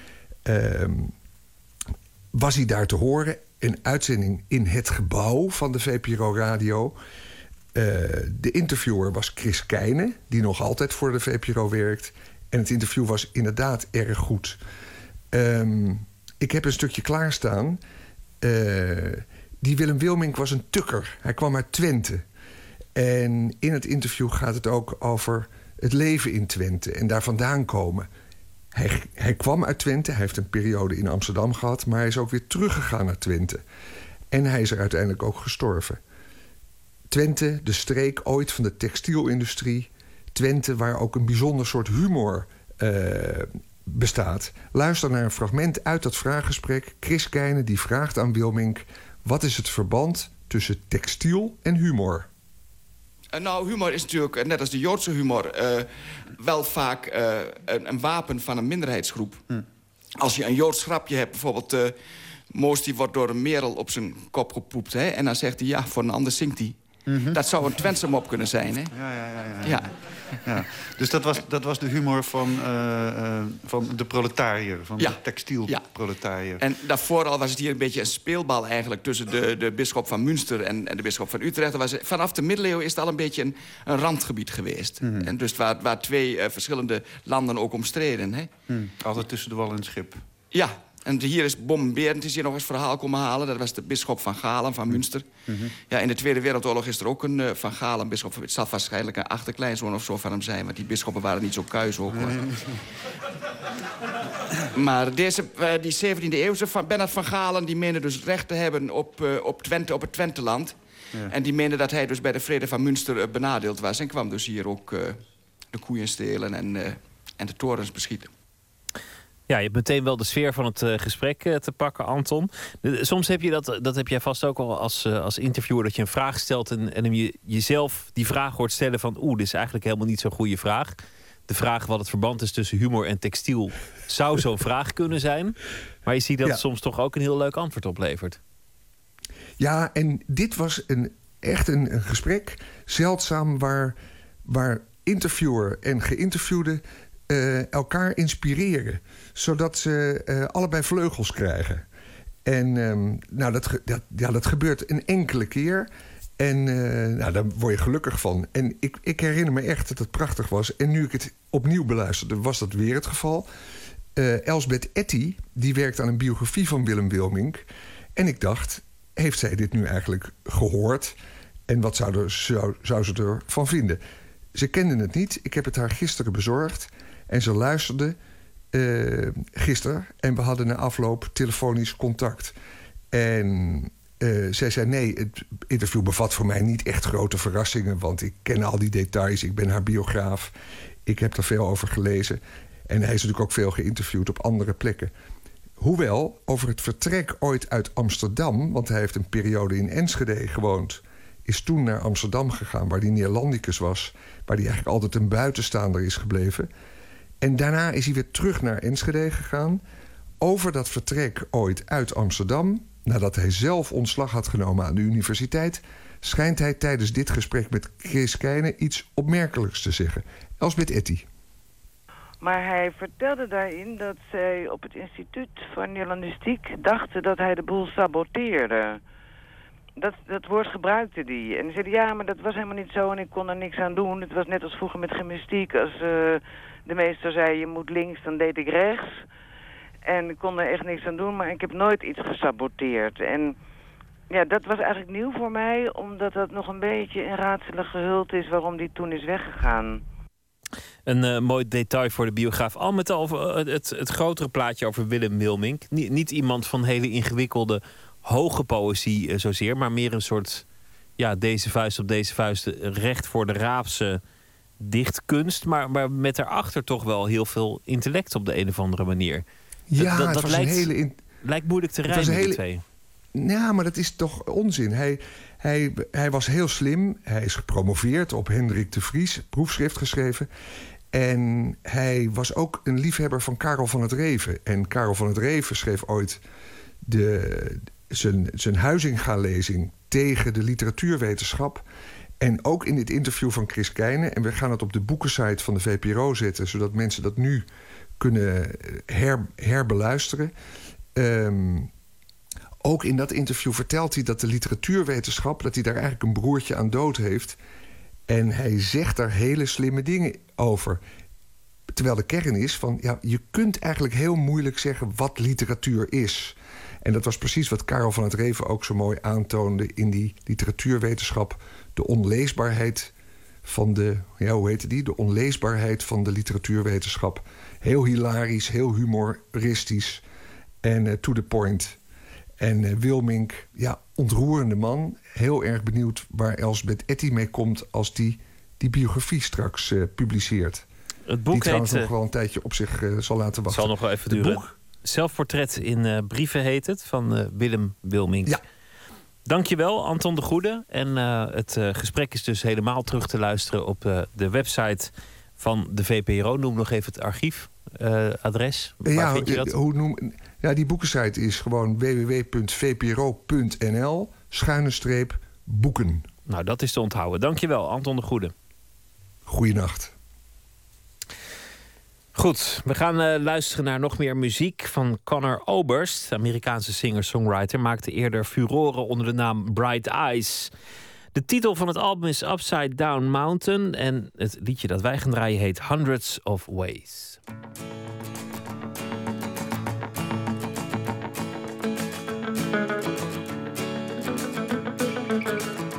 What a thing to be a witness to the sunshine.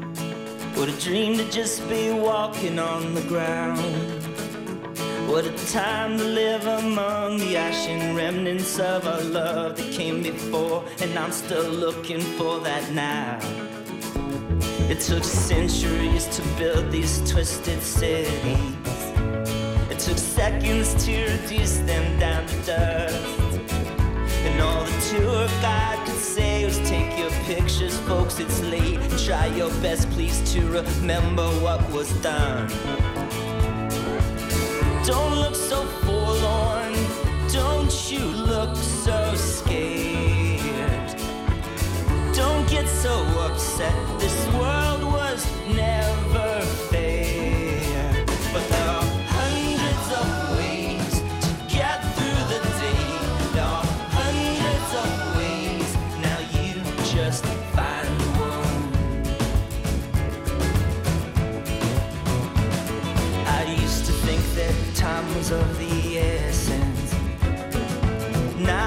wish I could get some sleep. All this strange parade of sounds the city makes when I lie down. Little explosions that set fire to my dreams. Sometimes I get mistaken for this actor. And I guess that I can see it from the side. Maybe no one really seems to be the person that they mean to be. I hope I am forgotten contradict me, don't make me cross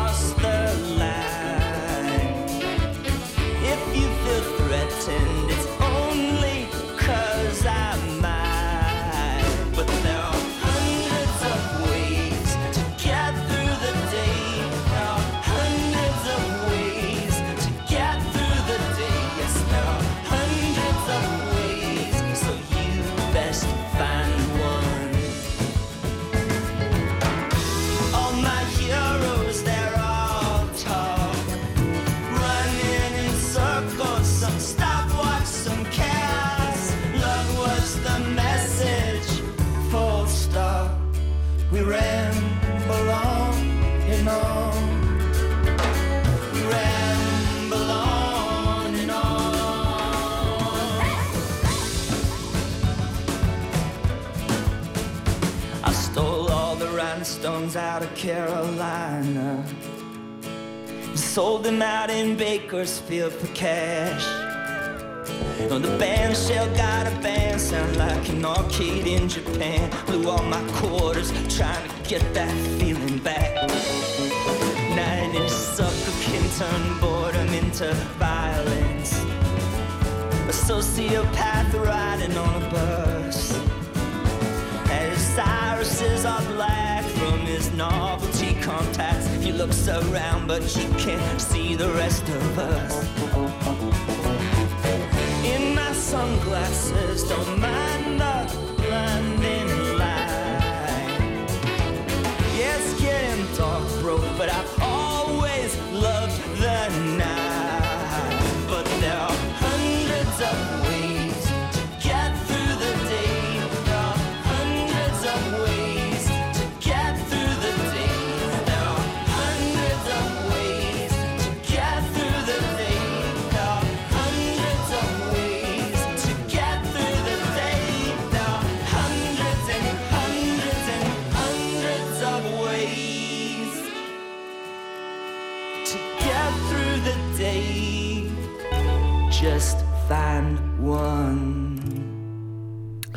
Hundreds of Ways van Connor Oberst was dat. U luistert naar de VPRO Nooit meer slapen. Als journalist onderzocht Julia Ziegdem de thuisteelt van Wiet in Tilburg. Waar ook veel Turken bij betrokken zijn. En diezelfde drugsteelt speelt op de achtergrond een rol in haar nieuwe roman, De Val van Mehmet. Tijdens het schrijven van het boek ging ze vooral op zoek naar haar eigen vader en moeder, tegen wie ze zich lang afzette. En die ging ze ook veel beter begrijpen. En Nicolaou ontmoet de schrijfster bij het huis in Tilburg waar ze vroeger woonde. Eigenlijk is het best een mooie omgeving, vlakbij eh, bij het centrum.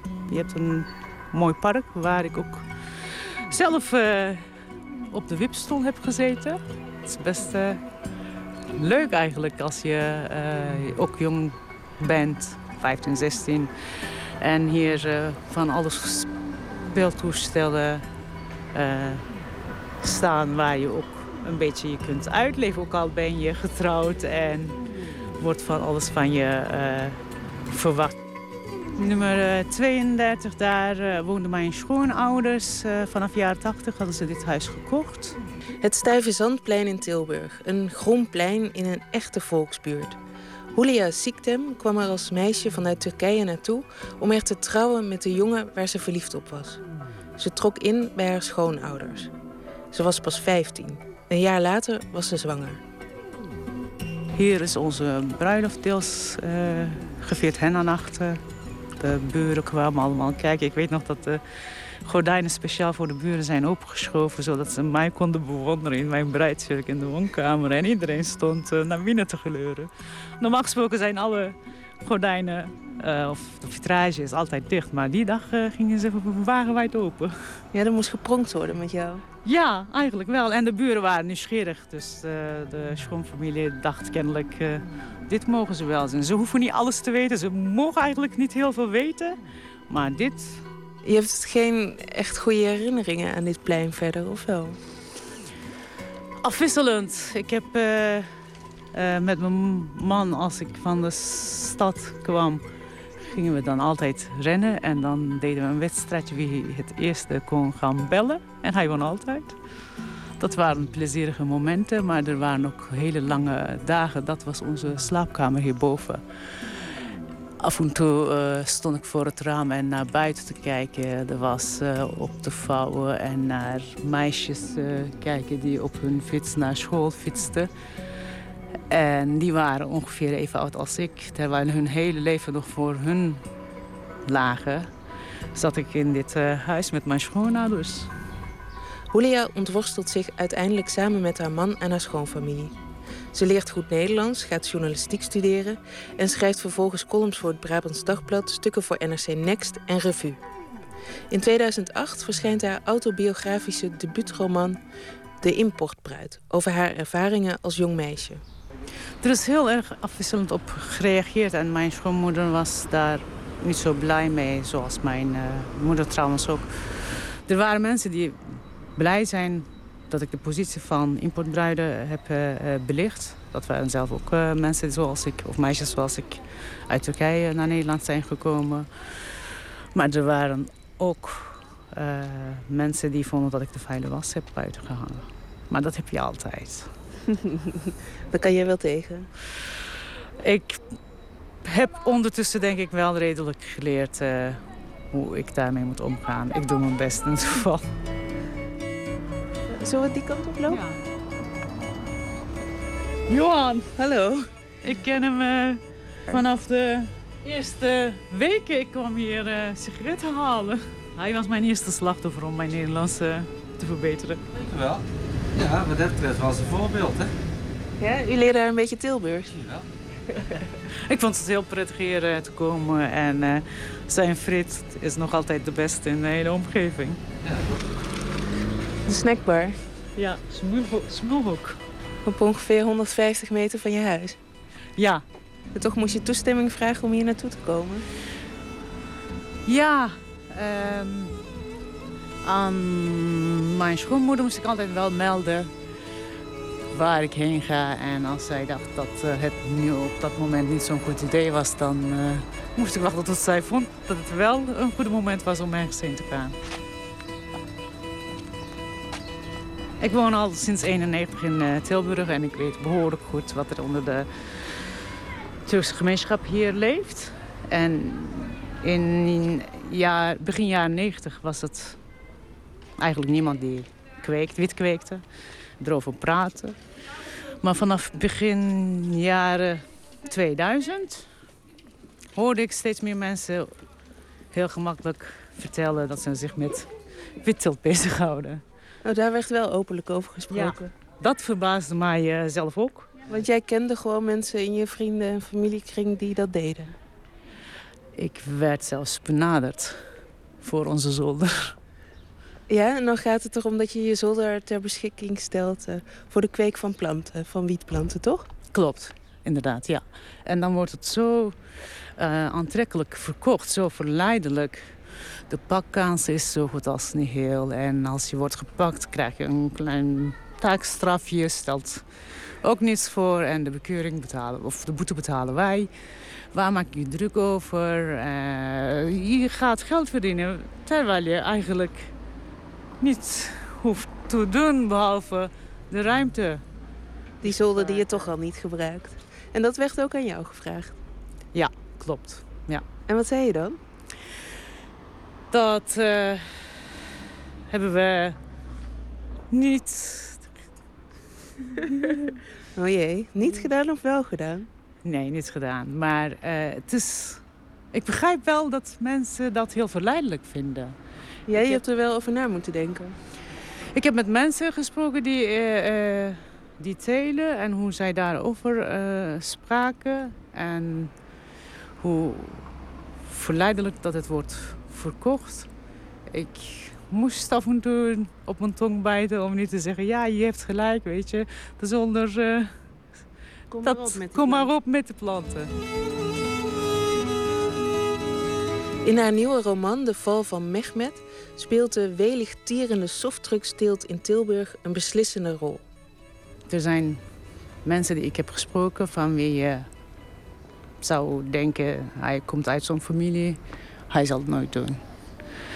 Ik vond dat zo'n spannend gegeven... dat ik dat gegeven heb gepakt... en een familie eh er omheen heb geschapen... met hoofdpersoon... eh, met, met, Mehmet als hoofdpersoon. De Val van Mehmet is een familieepos met als centrale figuur Mehmet Canturk... die als gastarbeider met zijn bruid in Tilburg aanbelandt.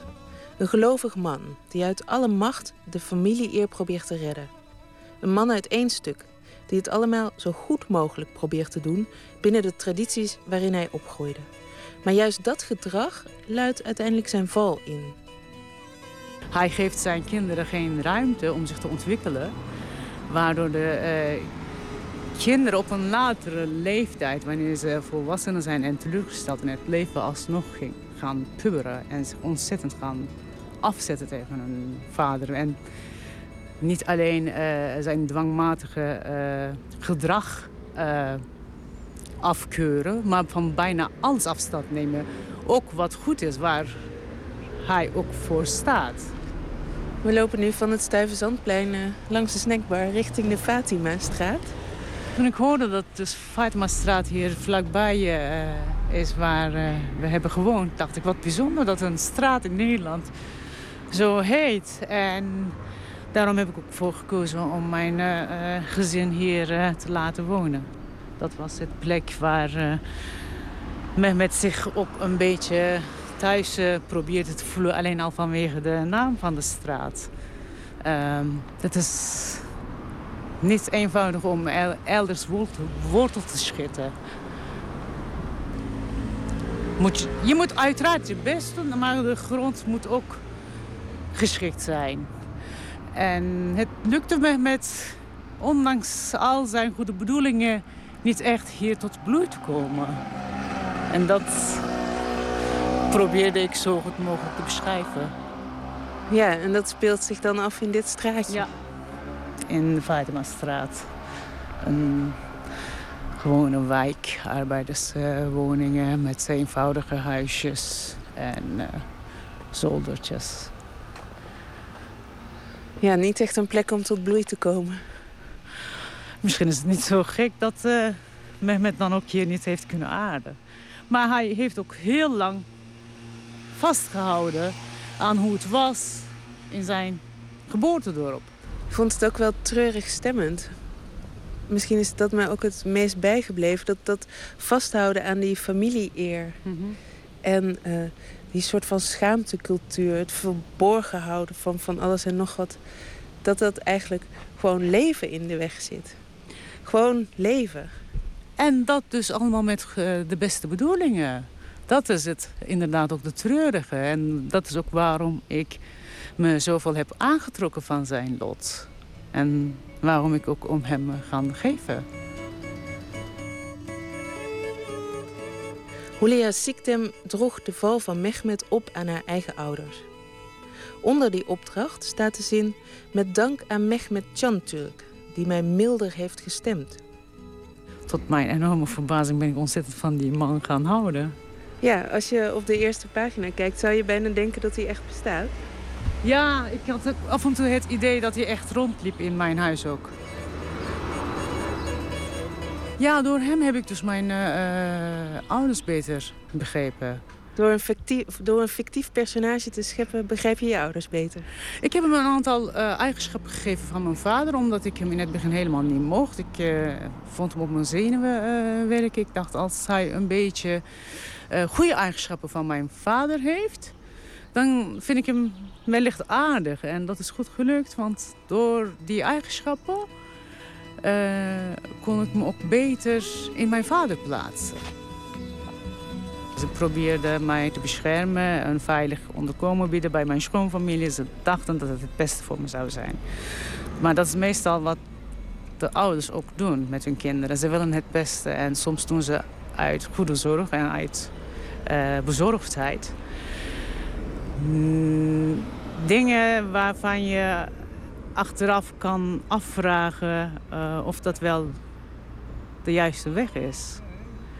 En ik had altijd gezegd, ik doe het nooit zoals mijn moeder. Maar uiteindelijk kreeg ik van mijn dochter zelf de verwijten die ik aan mijn eh, moeder had ge- gedaan. Ja, zoals een puber gewoon ook zich ontwikkelt, eerst losmaakt en daarna weer anders kijkt. Ja. Zo heb ik me ook een beetje ontwikkeld en zo verhoud ik me ook tot mijn ook afkomst.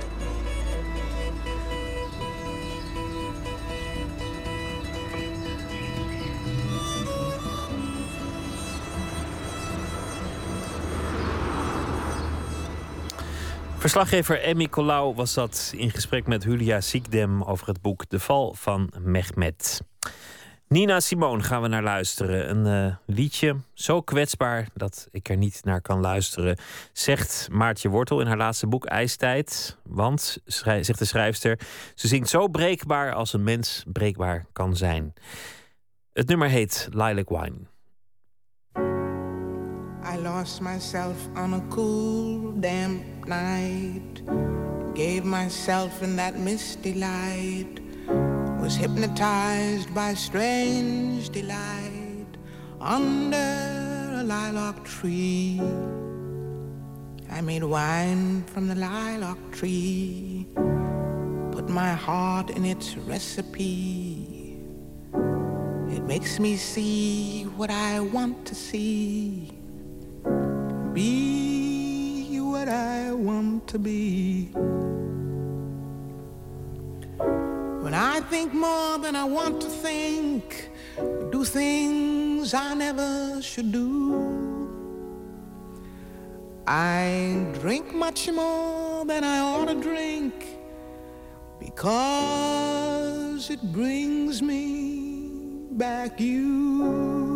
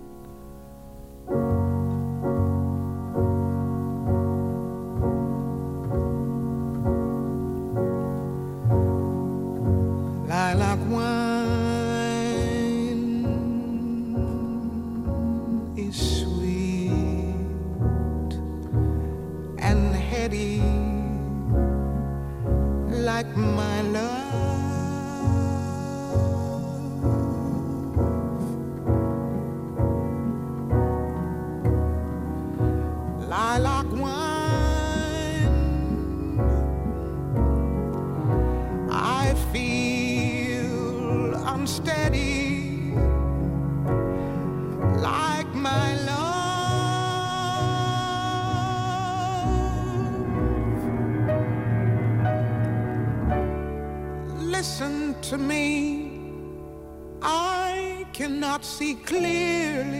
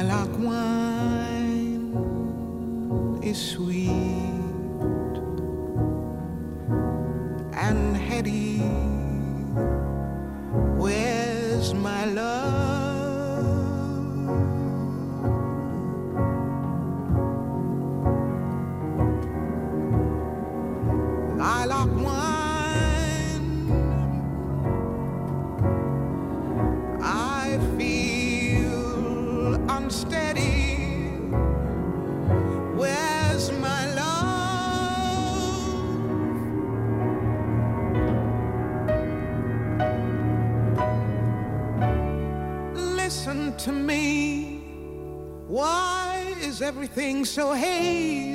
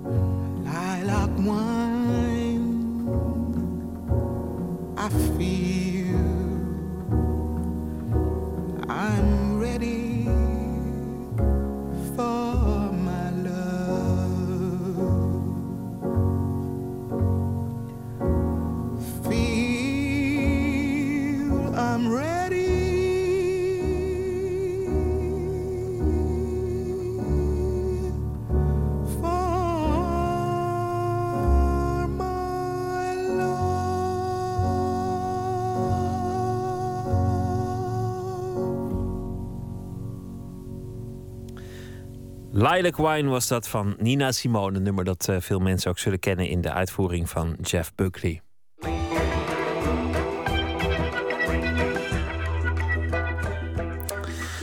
U luistert naar de VPRO naar Nooit meer slapen. De Europese verkiezingen zijn een heel evenement. Maar deze week komt er in India een einde aan de grootste verkiezingen ooit gehouden op planeet Aarde.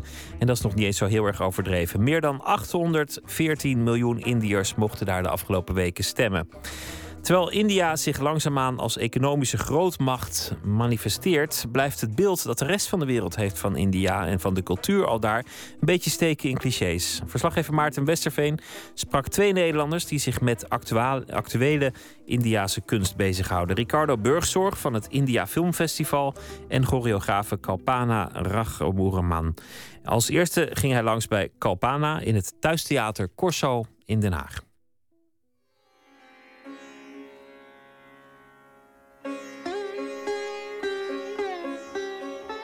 Je ziet wel eens een Bollywood-film voorbij komen.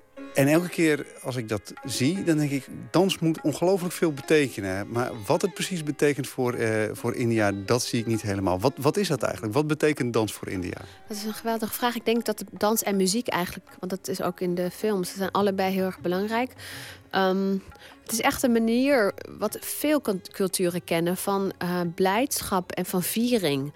Zodra een feest is, gaan mensen dansen en muziek maken. En eh, de films, die, eh, als er een film uitkomt, dan komt eerst de CD uit, komt eerst de muziek uit. Als de muziek flopt, dan kan de film gaat dan ook eigenlijk gelijk floppen. Dus het is zo een drager van ehm, emotie eh, voor iedereen. Want je hebt heel veel gelaagdheid. Het is een ontzettend complex gestructureerde samenleving. Heel veel lagen en ontzettend veel ruis en grijs. En voor al die mensen werkt muziek en werkt dans. Want je hoeft het niet te snappen. En het maakt niet uit wie je bent. En het raakt je. En ik denk dat dat daarom ook zo populair is en zo belangrijk is.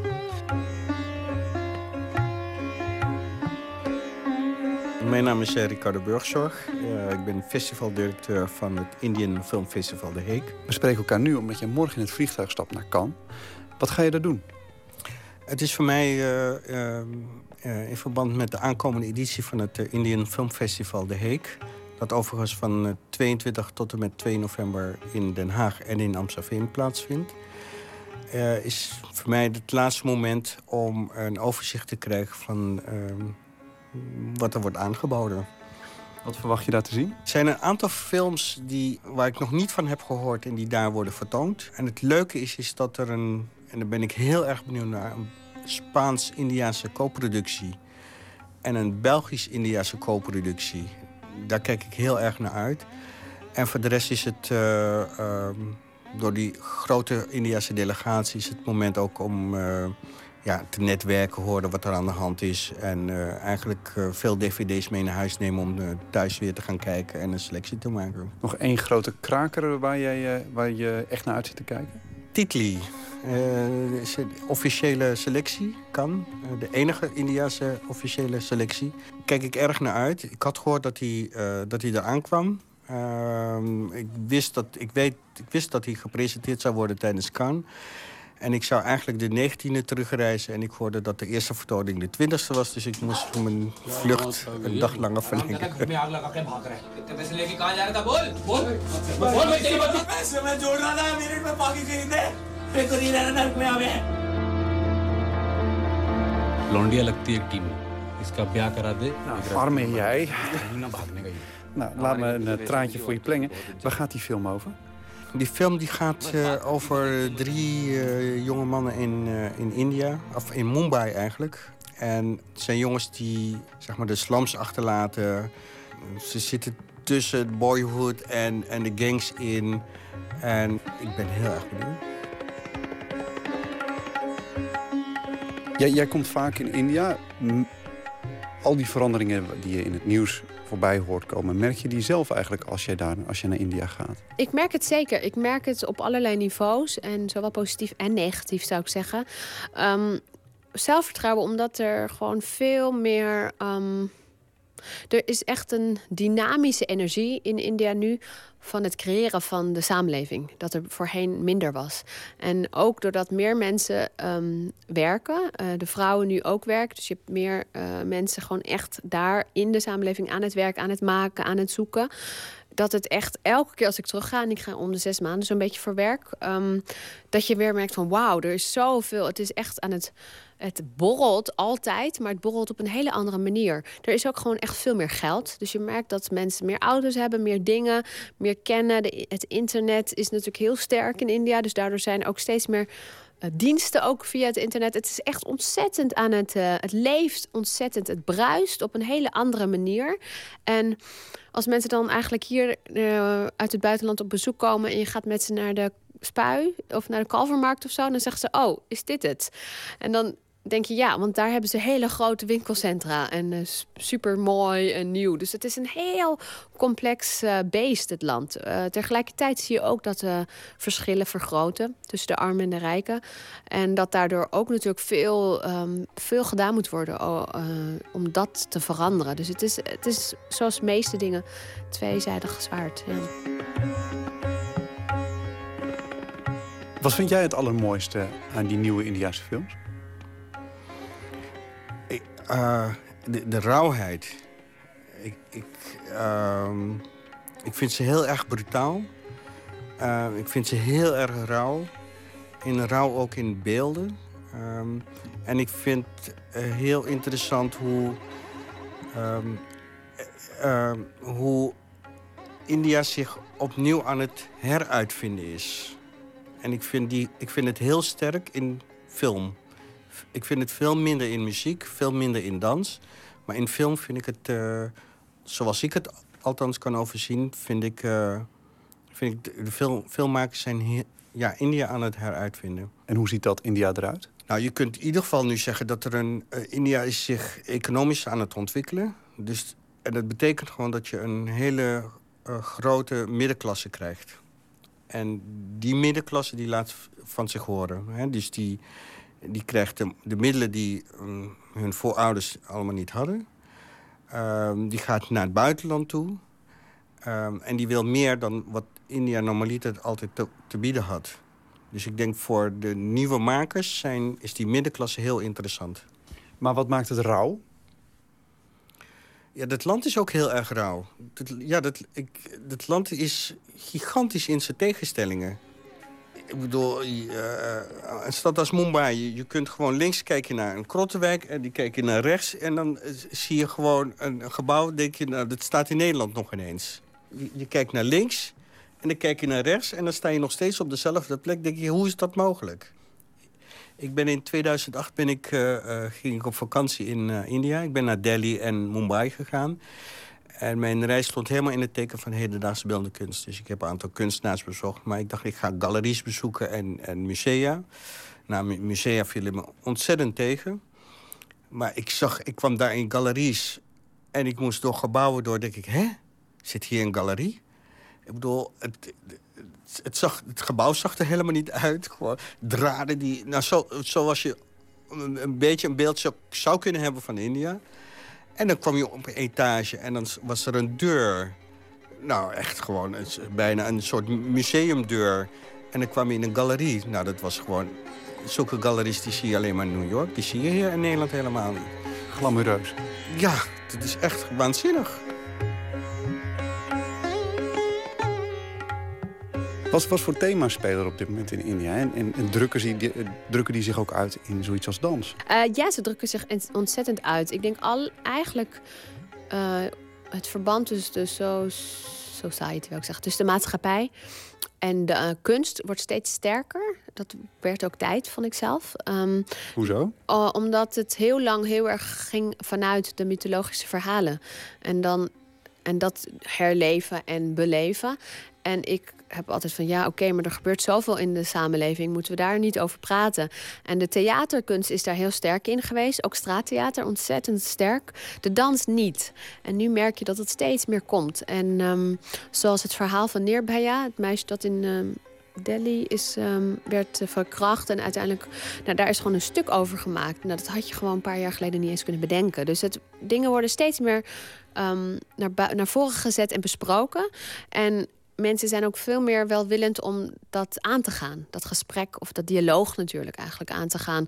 En daar is nog veel te doen, maar het is absoluut zeker eh, van, aan de hand. En ik denk ook daar dat ehm, als je jezelf laat leiden door mensen in het veld, door gewoon naar een voorstelling te gaan en mensen te praten, dan kom je op plekken dat je denkt van wauw, dit had ik anders nooit gezien. En er gebeurt zoveel meer dan dat we alleen maar via de tv zien. Eh, ik ben nu bezig met de voorstelling daar, dus dan ben je echt bezig met de dansers en ja, je gaat in gesprek met hen, je gaat met hen eten, dus je maakt het van heel dichtbij mee. Dus ik moet zeggen dat ik daar ook echt een bevoorrechte positie in heb.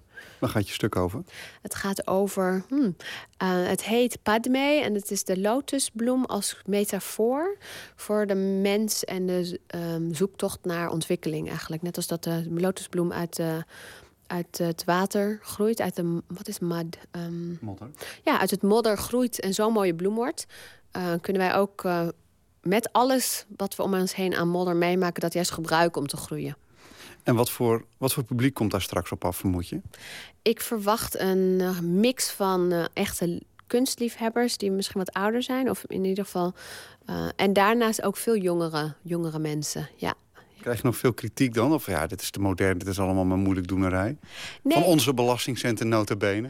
Nou, dus dat verhaal van de belasting zullen ze niet zeggen. Het is een ander gesprek daar. Maar nee, ik heb, we hebben een soort. ehm, in januari hebben we een. ehm, een showing gedaan, waar je eigenlijk work in progress. En het was zo positief, ook van mensen waarvan je denkt van... oh, maar die zijn toch best conservatief. Dat ze gewoon zien van, hé, hey, er gebeurt iets met veel reflectie. En eh, ook artistiek ontwikkeld. Dus ik, ik kijk eigenlijk echt uit naar het moment dat het publiek ook wat gaat zeggen. En dan ben ik heel benieuwd wat het zal zijn. Is er zoiets als een soort unieke Indiase blik? Wauw. Poef, dat vind ik moeilijk. Ik denk het eerlijk gezegd niet. Ik zou het is makkelijk als ik ja zeg. Maar ik denk dat er te veel, dat er te veel soorten samenlevingen, te veel soorten India bestaan. Om daar één soort antwoord op te geven. Want Het is inderdaad idioot, want we hebben het over een, een land waar 814 miljoen mensen mogen gaan stemmen. Dus inderdaad het idee alsof je het over Noord-Holland hebt, waar mensen het elkaar al niet met elkaar eens zouden kunnen zijn, is inderdaad lichtelijk idioot. Nee, maar het is ook ehm, daarnaast gewoon echt als je kijkt, de samenleving is zo complex. Combinatie van de oude regels en hoe het zou moeten versus de nieuwe wensen en de nieuwe mogelijkheden versus de samenleving versus de zoveel gelaagdheid en zoveel complexiteit. Ik sta er elke keer weer echt helemaal paf van eigenlijk. Dat, waardoor je nooit weet waar ze op grijpen. Eh, ik merk zelf ehm, dat het toch vaak is dat mensen... Je, ha- weet je, wel, je haalt... ehm, je hebt een uitdrukking in India, is dat je zegt van... je kan de Indiër, eh, eh, de uit het dorp halen... maar niet het dorp uit de Indiër, bij wijze van spreken. Maar dan is dorp niet iets van eh, als een superioriteit... maar als een reflectie van hoe we vroeger leefden en wat de ideeën en waarden zijn. En dat is nu heel erg aan het bewegen. Van vroeger is het van oké, we doen, we gaan, weet je wel, we gaan uit, we gaan dit doen, we gaan dat doen. Maar als het neerkomt, trouw ik met iemand van mijn eigen samenleving, van mijn eigen groep. Dat soort dingen, dat is nu heel erg aan het veranderen. Dus alles staat zo op losse schroeven dat het een soort verrassing is dat je nooit zo goed weet wat je kan verwachten. Zelf zou ik zeggen, wat de kracht is, is dat ze juist zo een mooie combinatie maken van de kracht van vroeger en de kracht van nu. Daar hou je het eigenlijk allemaal nog bij. Als ik het zo hoor, denk ik, het, het, Het, eh, je moet elke keer weer bij nul beginnen als je weer eh, uit het vliegtuig komt. Nee, ik bedoel, daar zijn Facebook en e-mail en internet zo handig in. Dus eh, ja, je, je zit in een soort van ja, kring van mensen. Ik zit toch wel, ik heb contact met alle art- veel artiesten en je hoort van elkaar waar mensen mee bezig zijn. Je wordt uitgenodigd, dus ik hou het heel erg bij. Zeker. Ik, ehm, ik zit Je gaat straks dus die voorstelling erop voeren. Kan je mij een voor of kan je het Oh, uitleggen? Dat ik daar echt iets doe. Ehm, goh, ehm, ja, maar het is de radio, hè? Eh, gewoon een stukje voordoen. Lijkt me dan. Ja, als je, even kan, nadenken. als je het kan becommentariëren. Eh, ja, nou, ik, ik, laat, ik gebruik Indiaanse handgebaren. Maar ik ga er heel anders mee om, omdat ik ook balletachtige vloerdingen zou doen. Die je nooit zou doen als je Indiaanse klassieke dans zou doen. En nou weet ik waarom je de hele tijd op en neer zit te. Jeetje. Eh, en het, het publiek dat dat straks gaat zien, die gaan dus ook, die zien, die zien die verschillende invloeden ook? Of zien die gewoon iets dat voor hen volkomen nieuw zal zijn? Ik denk dat het een combinatie zal zijn. Sommigen zullen echt danskenners of dansers zijn die herkennen van... hey, wauw, dat, dat heb ik al een beetje ook bij sommige vrienden die zijn komen kijken gehad. En er zullen mensen zijn van... wauw, dit is echt een andere taal, dit is iets dat ik niet ken, iets nieuws.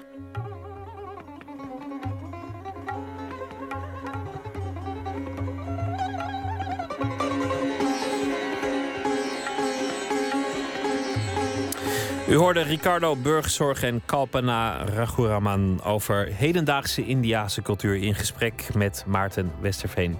Het India Filmfestival is dit najaar weer te zien in Den Haag. Dit was Nooit meer slapen. Morgen zijn we er weer. Nu De Nachtzuster met Astrid de Jong. Goeienacht. Op Radio 1, het nieuws van alle kanten.